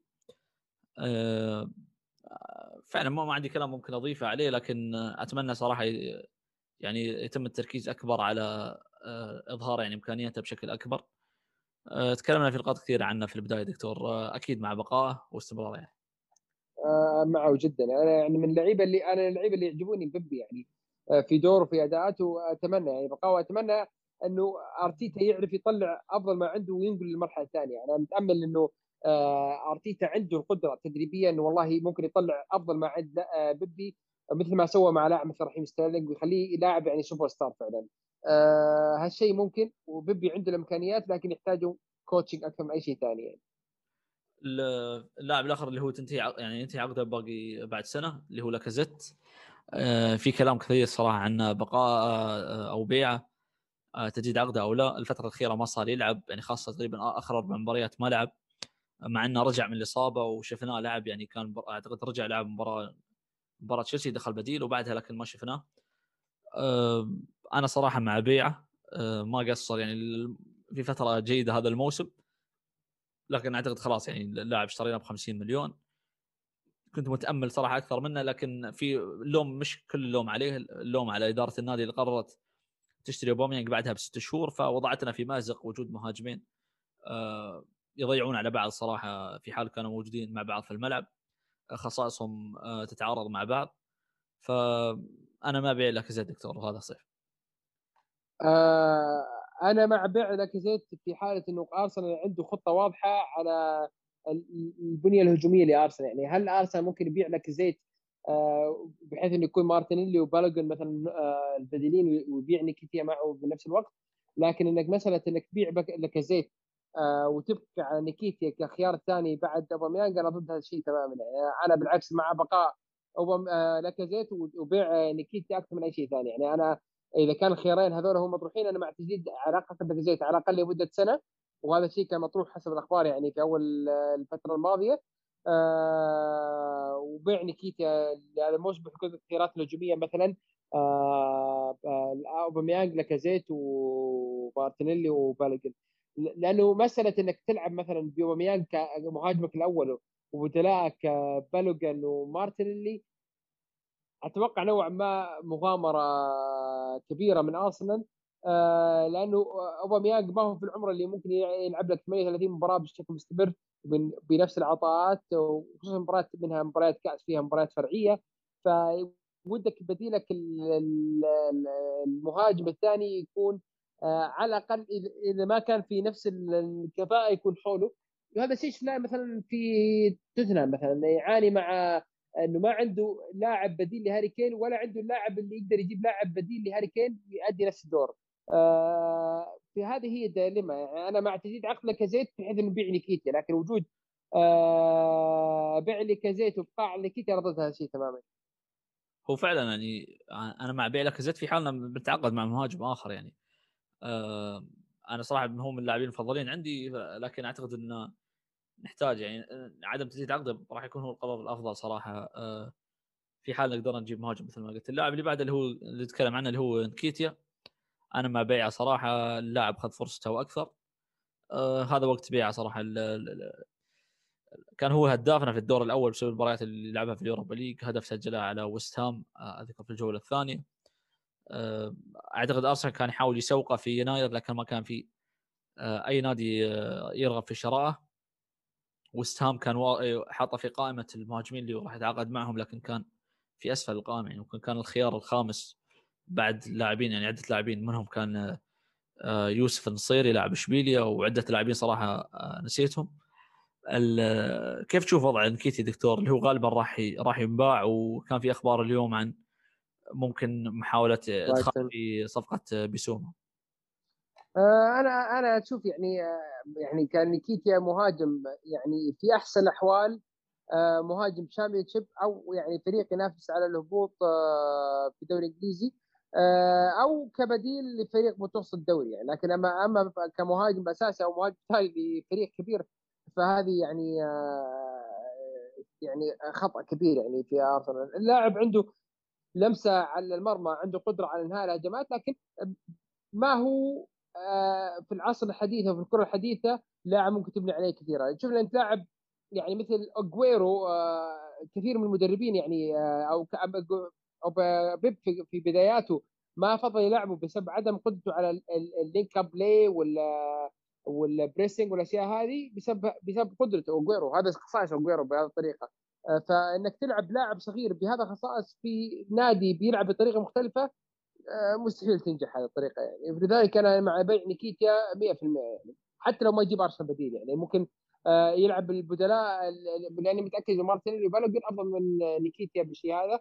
خصوصا إنه في لاعب يعني ما أحد ذكره وما ما أدري يعني فعلا إيش مستقبل أرسنال آه، مستقبل مع أرسنال اللي هو جون جولز. ما أدري إيش بيسوي فيه مع أرسنال الفترة الجاية يعني. أنا أتوقع إنه كإمكانيات وقدرات فنية جون جونز ممكن أفضل من نيكيتيا يعني حتى. آه، بقوا لاعبين اللي هم مارتينيلي وأوباميانج آه، خلينا نبدأ نتكلم دكتور آه، اولا عن مارتينيلي. مارتينيلي أيضا نفس موضوع سميث رو. هو دخل تقريبا في مباراة إيفرتون اللي كانت قبل مباراة تشيلسي تقريبا على نهاية ديسمبر. بداية الموسم كان مصاب رجع تقريبا قبل عودته المقررة اللي كانت متوقعة يرجع مع بداية السنة. رجع دخل التدريبات الجماعية في بداية ديسمبر واول مباراة لعبها مثل ما قلت مباراة إيفرتون. كيف شفت موسم مارتينيلي؟ دكتور آه، غاب في فترة صراحة. كان في تساؤلات كثيرة حول عدم مشاركته آه، في في فبراير ويناير. تقريبا يناير كان موجود بعد إصابة نيوكاسل اللي كانت آه، في مباراة الكأس في الأحماء. غاب الفترة تقريبا إلى نص مارس تقريبا شهر ونص. هو رجع من الإصابة يعني بعدها بأسبوع لكن أرتيتا كان يعني كان في قرار غريب يعني صراحة فهل هو كان يحافظ عليه أو أو ما شابه ذلك يعني لكن هو مارتينيلي واضح إنه مش اللاعب الكامل أو الجاهز عنده عيوب كثيرة اللاعب في مرحلة تطور لا زال لاعب شاب وصغير لكن هو عنده صراحة لاعب يعني كان X factor يعني لاعب مش مش ملتزم بالمنظومه بشكل كبير يعني لكن تحتاج تدخله في بعض المباريات يخلق لك يعني زخم أو أو أو حالة مغايرة يعني. فشفنا اللاعب يعني دخل في مباريات قدم فيها مستوى جيد والأمال عليه كبيرة يعني في المستقبل يعني كنت دائما أنا أردد إن مشكلتي الأكبر إذا أرتيتا ما كان يقيمه بشكل جيد مش مشكلته إنه هو يشارك حاليا أو لا. فمن كلام أرتيتا اللي كان يقول انه كان يقول للصحفيين أنا احبه أكثر منكم وأنا أعرف قدراته وهذا فهذا كلام مطمن. لكن نحتاج إن هذا الشيء يترجم على الملعب نحتاج اللاعب آه، فعلا يتطور ومستوى يتطور ويعني إذا كان اللاعب الأساسي الموجود يؤدي فهذا الشيء يعني ما راح يترك يعني تساؤلات كثيرة حول مارتينيلي. لكن إذا كان فريق عنده مشكلة هجومية طبعا التساؤلات راح تكون على اللاعبين الهجوميين الموجودين الدكه أعتقد هذه كانت المشكلة. آه، هو يعني في نقاط معينة يحتاجها أرسنال من مارتينيلي. لسه مارتينيلي ما وصلها بشكل كامل. والدليل إنه مباراة نيوكاسل لما لعب مارتينيلي كراس حربة كان لاعب فعلا غائب بشكل كبير عن عن المنظومة بشكل كبير. فأتوقع أنه جزء من الفترة أو غياب الفترة الماضية أنه أرتيتا قاعد يجهزه أنه يؤدي هذا الدور الفترة القادمة والموسم القادم. آه، أتوقع الفترة الجاية إذا بيلعب مارتينيلي بيكون على الجناح الأيسر وأتوقع أنه يكون منافس لساكا أكثر من أي شيء ثاني على الجناح الأيسر لأنه من آه، من المعطيات اللي نشوفها في الفترة الأخيرة مع أرسنال أنه آه، بيبي بيكون الجناح اليمين ساكا بيكون الجناح اليسار سميث رو بيكون بديل على الجناحين أو لاعب كرقم 10 مع اوباميانج كراس حربه يعني. فمارتينيلي أتوقع الفترة الجاية بيكون يعني إما بديل لاوباميانج بشكل كبير خصوصا إنه احتمال يعني من المعطيات إنه يعني لاكازيت بينباع أو يكون كلاعب على الجناح الأيسر. أتوقع إنه مجال التطور هامش التطور في مارتينيلي جدا جدا كبير. أتوقع إنه يحتاج نوعا ما موسم ثابت بدون إصابات وبدون غيابات عشان يطلع أفضل ما عند مارتينيلي الفترة الجاية. اللاعب الأخير دكتور الكابتن آه، أوباميانج آه، موسم مخيب للأمال صراحة. يعني لو أي حد كان يعني تساله وقت يعني قبل تجديد أوباميانج راح أكيد راح يطالب بتجديد عقده خاصة بعد نهاية الموسم الممتازة بعد ال FA Cup لكن كان في تخوف على عقده ثلاث سنوات. على الراتب الكبير هل هل راح نشوف مشكلة أو لا؟ لكن ما في ولا شخص أنا كنت اكلم يعني قبل بداية الموسم كان متخوف من السنة الأولى من عقد أوباميانج الجديد. يعني كنا ممكن نشوف فيه هبوط في مستواه بسبب يعني هبوط خلينا نقول بدني اولا بسبب عمره الكبير مرورا مع بالسنوات هذه. لكن ما في أي حد كان متوقع ان نشوف أوباميانج يعاني في السنة الأولى يعني من تجديد عقده. يعني اللاعب لا زال يعني تقريبا عمره 31 سنة. موسم مخيب مخيب للامال صراحة مثل ما قلت. آه هو المشكلة حاليا إنه آه أوباميانج يعني السنة هذه ظروف الظروف بشكل عام كلها ما ساعدته يعني سواء من آه مرض والدته إصابته بالملاريا الموسمين متلاحقين ورا بعض في لاعب عمره 21 سنة كلها سفراته الدولية مع الجابون كلها أمور هذه كلها ما ساعدته إنه يطلع أفضل ما عنده. بدنيا اللاعب ما هو في الفورمة البدنية السيئة اللي شيء اللي نتخاف منه من لاعب عمره 21 سنة لكن الشيء اللي يعني المخيف في أوباميانج إنه القرارات الفنية وقرارات واتخاذ القرارات عنده هذا السنة كان غريب جدا يعني في لقطات كثيرة يعني حتى مباراة برايتون الأخيرة قراراته جدا جدا غريبة يعني فيها في الكرة الانفرادية اللي يعني مباراة برايتون الأخيرة يعني أعطي كرة انفرادية بدل ما يسددها على, على اللي يرجعها على اليمين يسددها سددها بيسار بطريقة غريبة جدا طلعت خارج المرمى. كذلك العرضية اللي رجعها لمارتي اوديجارد نوعا ما خلفه. فقراراته وتنفيذه للقرارات الفنية كان جدا غريب وهذا الشيء اللي يخوف يعني آه، من اوباميانج فأتوقع إنه هذه السنة للنسيان نتأمل السنة الجاية انه اوباميانج فعلا يعني يرجع للفورمة بعد صيف يريح فيه ويرجع فيه نفسيا ويستعد يعني ذهنيا للموسم القادم. آه، آمالي عاليه جدا إن اوباميانج يرجع للفورمة اللي كان عليها. آه، لكن هذا بشكل كبير يعتمد على اللعيبة اللي اللي حول أوباميانج لأني أتوقع إن أوباميانج بالمنظومة الحالية آه، ما راح يبرز بشكل كبير آه، لأنه طريقة اللعب مختلفة تماما عن الطريقة اللي تناسب آه، لاعب مثل أوباميانج في الوضع الحالي حاليا. هو فعلا قدم مستوى يعني سيء جدا فلكن في لوم صراحة يعني حق عشان اكون حقاني صراحة إن الفريق فعلا ما خدمه في وقت كبير من الموسم كان في فرص قليلة صراحة اللي توصل له مثل ما قال الدكتور في النهاية يعني في أسلوب اللعب ما ناسبه كثير آه، في مباريات كثير يعني كانت توصل فرصة واحدة في المباراة فدائما راح يكون التركيز بشكل كبير عليها في حال إنها ضاعت لأنها فرصة واحدة في النهاية. هذا تقريبا دكتور عن كل اللاعبين يعني هذا الموسم ودي أسألك دكتور عن أفضل لاعب في الموسم أعتقد الخيار واضح يعني أنا بالنسبة لي ساكا دكتور من هو أفضل لاعب موسم لك؟ هو واضح جدا إن الخيار أصلا بيكون ساكا هو الخيار الأول الخيارات الثانية بتكون بين آه، تقريبا تيرني آه، نشوف جرانيت كخيار ثالث آه، ممكن لاكازيت كخيار رابع لأنه قدم مستويات خصوصا فترة يحتاج فيها أرسنال قدم مستويات جيده لكن العناصر اللي باقي يعني تقريبا إما عناصر ما زالت في مرحلة التطور أو عناصر ما أثبتت فعاليتها على المدى البعيد يعني. اسوء لاعب دكتور أعتقد واضح ويليان غير ويليان انت ودك تقول اسوء لاعب بعد ويليان. صحيح. لأنه المركز الأخير واضح لويليان يعني. آه للأسف يعني اسوء لاعب أنا في نظر وجهة نظري بعد ويليان هو أوباميانج يعني للأسف يعني. آه تتكلم عن لاعب تامل منه شيء كبير ما ظهر بالشيء اللي تامل منه للأسف آه أفضل مباراة في الموسم دكتور آه، بالنسبة لك اي مباراة ممكن تختار؟ آه ك ك كمتعه ك يعني آه كلعب تفضيلك الشخصي. آه، تفضيلك الشخصي أي مباراة ودك تختار؟ المباراة اللي انبسطت فيها صراحة وأنا أشوفها يعني وحسيت يرجع فيها أرسنال أرسنال القديم هي مباراة العودة ضد سلافيا براغ يعني كان أرسنال فيها ممتع جدا جدا جدا خصوصا في الشوط الأول يعني. آه وإذا تحسب كذلك أول 45 دقيقة مباراة أرسنال وولفرهامبتون. يعني كانت هذه أفضل أداءات شفتها لأرسنال هذا الموسم يعني. لكن إذا تتكلم عن القيمة المعنوية للمباريات ممكن تحسب مباراة ارسنال تشيلسي اللي في مباراة ال Boxing Day آه وكذلك ارسنال ويست بروم هذه كانت يعني أنت تتكلم عن أفضل أداءات ارسنال هذا الموسم آه كقيمة فنية وكقيمة معنوية يعني. فعلا أنا أنا عن نفسي صراحة كنت بختار مباراة آه ويست بروم فعلا مباراة استمتعت فيها يعني لكن كقيمة مثل ما قال دكتور مباراة ارسنال تشيلسي كان نقطة تحول الموسم. آه مستوى الفريق في اولد ترافورد كان مستوى صراحة آه ما كان أفضل مستوى هجوميا لكن آه هي عقدة كانت يعني مستمرة للفريق. آه مانشستر يونايتد كان في فورمة جيدة. آه، الفريق قدر يلعب مستوى دفاعي كبير كسب التحامات كثيرة في في يعني في ملعب اولد ترافورد فكانت مباراة خاصة يعني مباراة تعتبر مباراة كلاسيكية كبيرة يعني في في الكرة الإنجليزية فكان لها طعم خاص. لكن تفضيلي الشخصي راح لمباراه وست بروم. فعلا أكثر مباراة استمتعت فيها.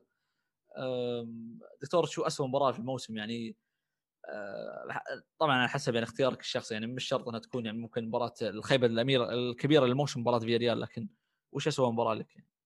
وحتى كأداء هي مباراة فياريال يعني. حتى المباريات اللي خسرنا فيها مباريات ثانية مباراة مثلا مانشستر سيتي الذهاب والإياب مباراة ليفربول الذهاب والإياب. أشوف أرسنال نوعا ما حاول نوعا ما يواجه أو يجابه الخصم اللي قدامه يقدم اللي عنده بحسب إمكانياته. لكن مباراة في ريال أرسنال ما ظهر. أرسنال هذه هذه يعني اللي اللي زعل المباراه هذه إنه أرسنال ما ظهر في الملعب ابدا. لا مباراة الذهاب ولا مباراة الإياب. لكن المباريات القادمة يعني فنيا أرسنال ممكن أضعف من الخصم لما يلعب معه لكن على الأقل يحاول يقدم شيء مما عنده. لكن مباراة في ريال هي المباراة السيئة لأنه أرسنال فعلا ما ظهر. يعني هذا بوجهه نظري. في في في خسارات صراحة مؤلمة. يعني مباراة خسارة من بيرلي في ملعب مباراة خسارة سيئة صراحة.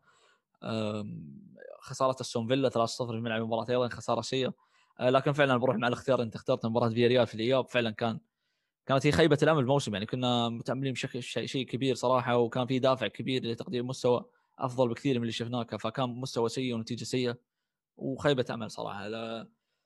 أفضل هدف في الموسم دكتور أيضا حسب تفضيلك الشخصي يعني مش شرط يكون الهدف مهم أو شيء. هدف جمالي يعني. هي أنا بالنسبة لي أنا أحب الأهداف الجماعية يعني لما تتذكر الأهداف الجميلة دائما تتذكر الأهداف اللي فيها كرة تحرك سريع عدد كبير اللعيبه يلمسوا الكرة.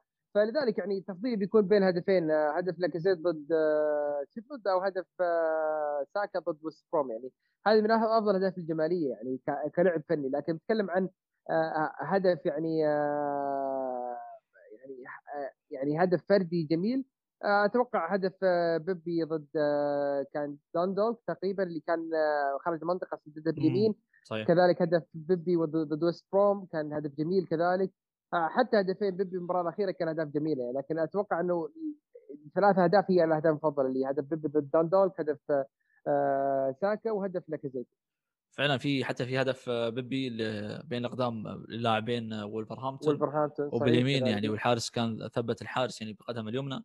هدف تيرني على وست بروم أيضا هدف جميل. هدف صراحة ما أخذ حقه كثير هدف جابرييل في اليوروبا ليج على بنفيكا أعتقد كان؟ أي بنفيكا الهدف الثالث بالرأسية. هدف جدا ممتاز صراحة يعني ارتقاءه كان جدا ممتاز. لكن إذا بختار صراحة أتفق مع الدكتور هدف هدف ساكا على وستبروم هدف جماعي يعني كان بعد فترة سيئة جدا الفريق ما كان يعني كرة الهجومية كانت كارثية يعني الفترة هذيك هدف كان ممتاز صراحة. أيضا في هدف تشاكا من الفاول على تشيلسي أيضا هدف جميل. مفاجأة الموسم دكتور لك يعني من أي من أي جانب يعني ودك تشوفه يعني؟ من من فاجأك هذا الموسم؟ المفاجأة الإيجابية هي طبعا سميث رو ودخول سميث رو وعوده سميث رو للاداءات اللي اللي كنا نشوفها يعني مع لعيبه الاكاديميه لكن المفاجأة الصادمة هي مستوى أوباميانج يعني نتكلم عن الإيجابية والسلبية هذول الشيئين يعني اللي واضحين يعني فيهم. يعني ودي ودي أسألك يعني عن أفضل تدخل يعني لأرتيتا هذا الموسم من أي ناحية يعني حتى حتى يعني تحضيره قبل المباراه لأي مباراة يعني كشكل للفريق أو تبديل أو شيء يعني كأفضل شيء وبعدها راح أسألك عن اسوء شيء. من ناحية التشكيل الفني يعني الفريق يعني أو من ناحية التغييرات. تغييرات أرتيتا أثناء المباراة أشطب عليها لأنه للأسف يعني أرتيتا هذه المشكلة أرتيتا اللي, اللي أتمنى انه يحلها يعني الصيف القادم يعني في الصيف القادم.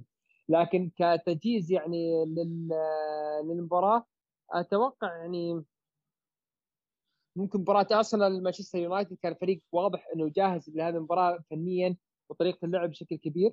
آه كذلك أرسنال تشيلسي على ملعب الإمارات كانت واضحة كذلك.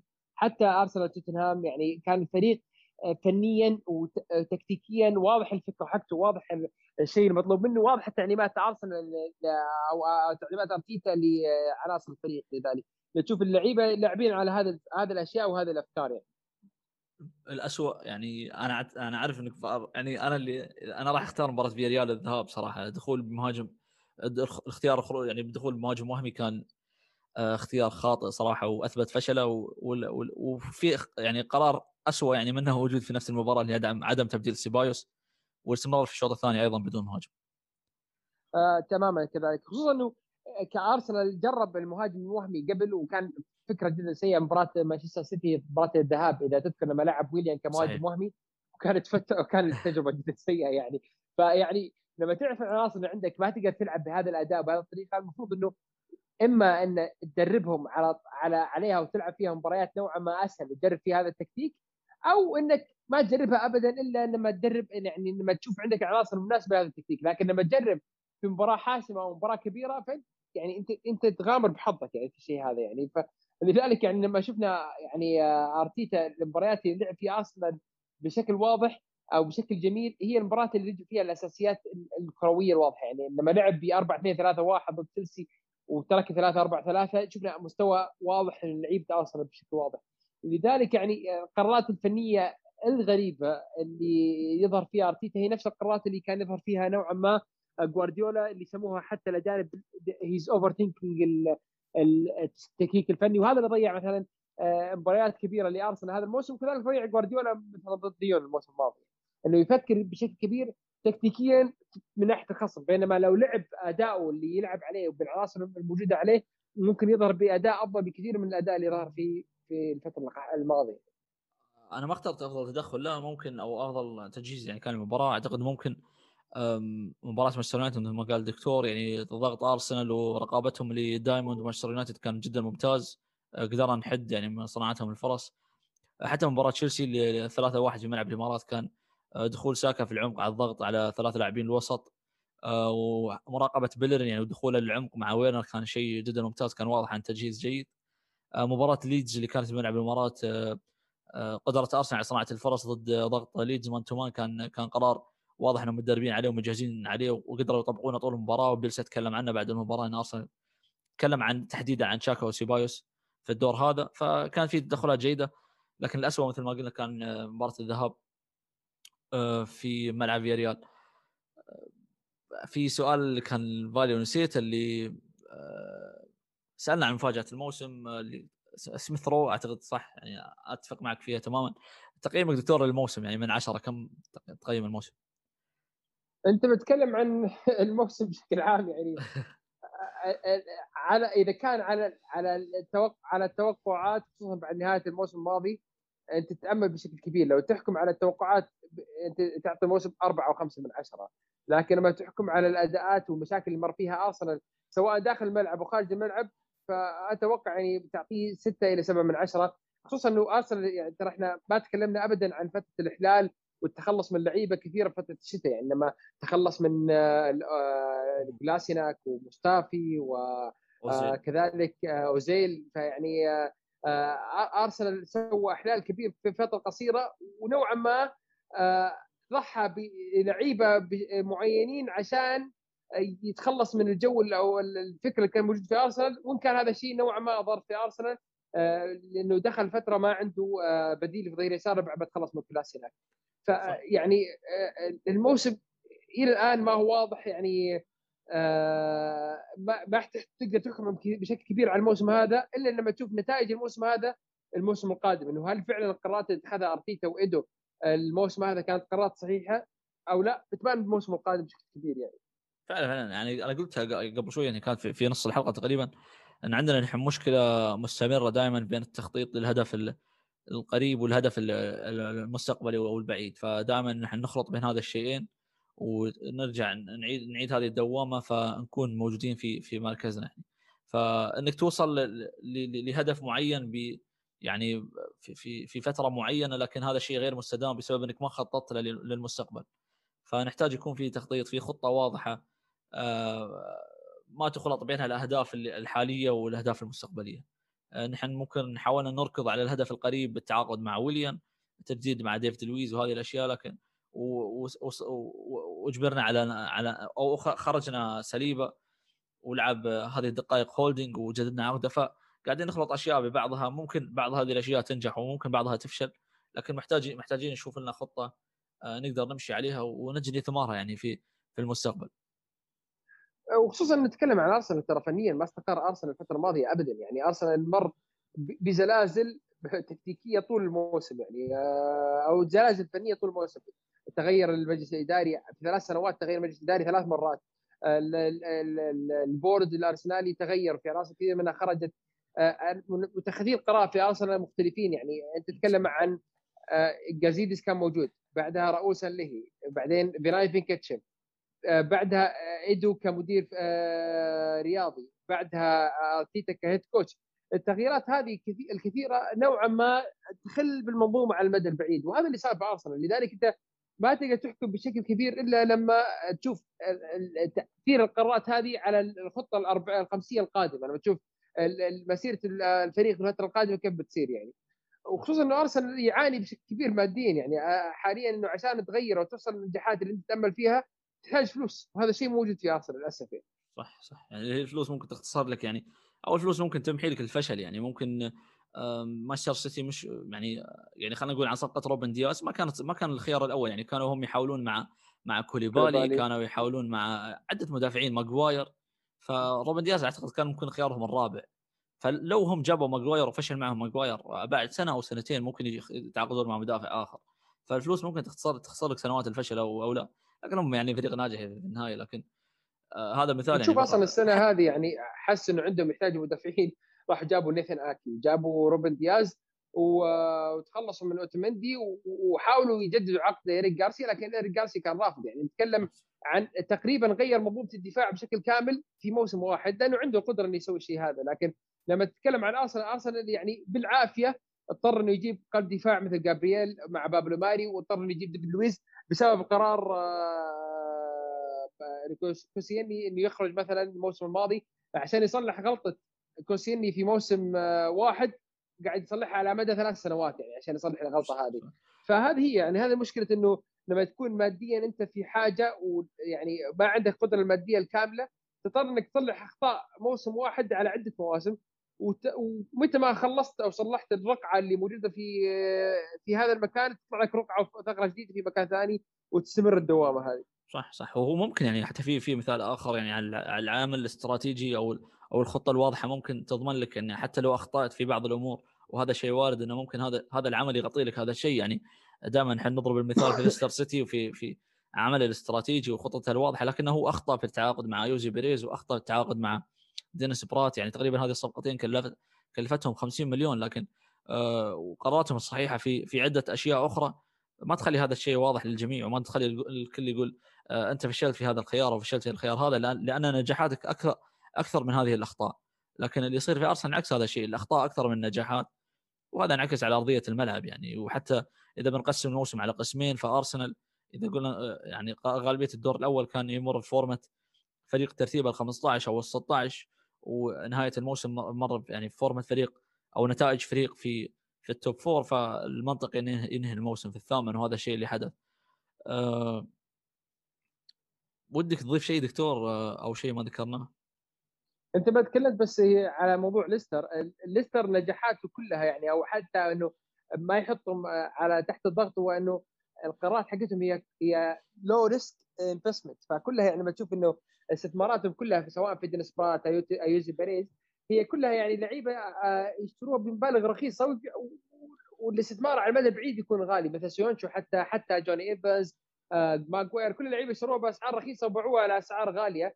لذلك يعني ال ال ال الإنتاجية والمنتج النهائي أو النت آه يبين لك انك ربحان آه، حتى إن الصفقات هذه اللي نوعا ما ما تقول عنها فشلت لكن ما نج... ما أعطيت النجاح اللي مطلوب منها سعريا آه ما تظهر بشكل كبير يعني بالشيء هذا. آه يعني لكن ارسنال مشكلته إنه عشان يرضي الجمهور يحتاج صفقة مدوية يحتاج صفقة اسم كبير يعني. آه بينما يعني لو جاب أرسنال مثلا لاعب مثلا مثل آه على سبيل المثال مثلا فوفانا آه، وما نجح فوفانا بيقول لك إنه ارسنال ضحى وجاب مبلغ صغير مثلا بلاعب غير ناجح مثلا بينما ارسنال كان المفروض مثلا يروح يجيب كولابالي ولا ماجواير ولا وات يعني. فهي المشكلة المتطلبات التطلعات وارضاء الجمهور هو المشكلة اللي يطيح فيها ارسنال صح صح. أنا كان كان ودي يعني أسلط الضوء على أن الخطأ وارد يعني فممكن أتقبل أخطائك. أنت يعني كمجلس إدارة أو كمدير رياضي أو كمدرب يعني مشترك مع في هذا العمل لكن أن نجاحاتك تكون أكبر من هذه الأخطاء. يعني في النهاية آه، الكرة فيها يعني خطورة بشكل كبير. يعني هذه هذه النقطة اللي أنا كنت اذكرها في موضوع اوديجارد انه ممكن أنت عندك يعني أو يعتبر هذا هذا التعاقد أقل خطورة لأن اللاعب انضم لهذه البيئة وقدر يتأقلم وقدر يأثر يعني في فترة قصيرة. فالكرة يعني قراراتها دائما فيها خطورة كبيرة. وأنت دائما معرض للخطأ لكن الإدارة الناجحة دائما تكون أخطائها أقل آه، من من من من الآخرين يعني. وهذا هذا اللي يميز يميز يميز السيتي يعني. نحن سلطنا الضوء على صرفهم الكبير لكن هم في النهاية أصلا واضح إنهم إدارة جيدة اختياراتهم ممتازة مشروعهم واضح آه، إدارتهم مستقرة يعني. وهذا الشيء واضح يعني فيهم يعني هذا هذا الشيء اللي كان كان ودي أسلط فيه الضوء حتى على ليستر يعني لاعبين حتى لو جابوا لاعبين أقل آه، عندهم استراتيجية قدرت تخلي هذه البيئة مناسبة لنضوج هذه النضوج هؤلاء اللاعبين ودخولهم للمنظومة بشكل سريع. والضغط عليهم بيكون بشكل عام أقل يعني نتكلم عن لاعب فريق مثل ليستر يعني. آه، بينما ممكن السنتين الجاية مثلا بيكون يعني لما تقارن مثلا ليستر بوست هام وست هام لأنهم نجحوا الموسم هذه الضغط عليهم بشكل كبير أعلى بكثير من ليستر. بينما ليستر لما نتكلم عن فريق سنتين يكون أكثر فريق آه، كان في ال top four ويفشل في سنتين يتاهل لل Champions League. آه، الضغط عليهم ما زال أقل. بينما وست هام لأنهم حاولوا يوصلوا ال Europa League ال Champions League وفشل ال Europa League ما زال يعتبر موسمهم ما هو بذاك النجاح لأن تطلعات جمهور أعلى بكثير يعني. صح. فهي آه، محاولة إرضاء الجماهير دائما هي الموضوع الصعب وطلعات الجماهير دائما هي الصعبة. لذلك الخطة الخمسية والخطة الواضحة والاستراتيجيه الواضحة لمجلس الإدارة آه، نوعا ما تعطي طمانينه للجمهور والله إحنا خطتنا نرجع مثلا ننافس خلال الخمس سنوات الجاية مثلا أو ممكن ترى نضحي إنه ما نلعب أوروبا سنتين بحيث إن السنة الثالثة ننافس مثلا على الدوري مثلا. فهي هذه الأشياء اللي تطمن الجمهور وتعطيهم نوعا ما القدرة إنه والله إنه ندعم الفريق في كل الظروف في أحلى ظروفه وأحسنها يعني. فعلا هي خيبات الأمل دائما تكون مبنية على قدر التطلعات أو قدر المتوقع يعني في النهاية هذه خيبة الأمل قدمت أقل من المتوقع أو أكثر من المتوقع. آه، أشكرك دكتور يعني تقريبا سجلنا الوقت طويل يعني ما تعتبر من أطول الحلقات. آه، فعلا هي حلقة نهاية الموسم فالمواضيع كثيرة يعني مراجعة الموسم غالبية الموسم حاولنا نختصر أغلب الأشياء آه، أنا بشكرك شكر خاص دكتور وجودك طول الموسم يعني في غالبية الحلقات صراحة أنا بالنسبة لي يعني وأعتقد حتى بالنسبة كبيره الناس اللي يسمعونا قدمت الإضافة دكتور وما قصرت يعني. آه، ابدا بالعكس شكر لكل الشباب اللي قايمين على البودكاست وأنت اولا محمد يعني صراحة مجهوداتك ووجودك في أغلب الوقت يعني آه، كان يعني من الأشياء المشجعة ان الواحد يستمر في مثل هذا البودكاست يعني. آه، وكانت تجربة جدا جميلة يعني للأمانة وكان يعني من الأشياء الجميلة في هذا الموسم يعني لما نتكلم إنه والله كتجربة أو كشيء جديد الواحد يجربه فهذا كان وجود البودكاست من الأشياء الجميلة ونستمتع فيها صراحة يعني. شكرا لك دكتور. آه، فعلا والله ما قصرت. أشكر الناس اللي يسمعونا مرة ثانية. يعني غالب يعني يسمعونا تقريبا غالبية الموسم يعني حلقات كثيرة 42 أو هذه حلقة 43 آه، مستمرين إن شاء الله. آه، راح ننزل إن شاء الله حلقات يعني آه، في الصيف. نتكلم فيها عن اللي يصير في في مواضيع الانتقالات ومحاولة إعادة بناء الفريق سواء بالبيع أو الشراء. آه، الخطوات اللي نعتقد ممكن إنها تكون الأصح أو أو الأفضل لمستقبل النادي. آه، شكرا لكم مرة أخرى مثل ما قلت وحياكم الله.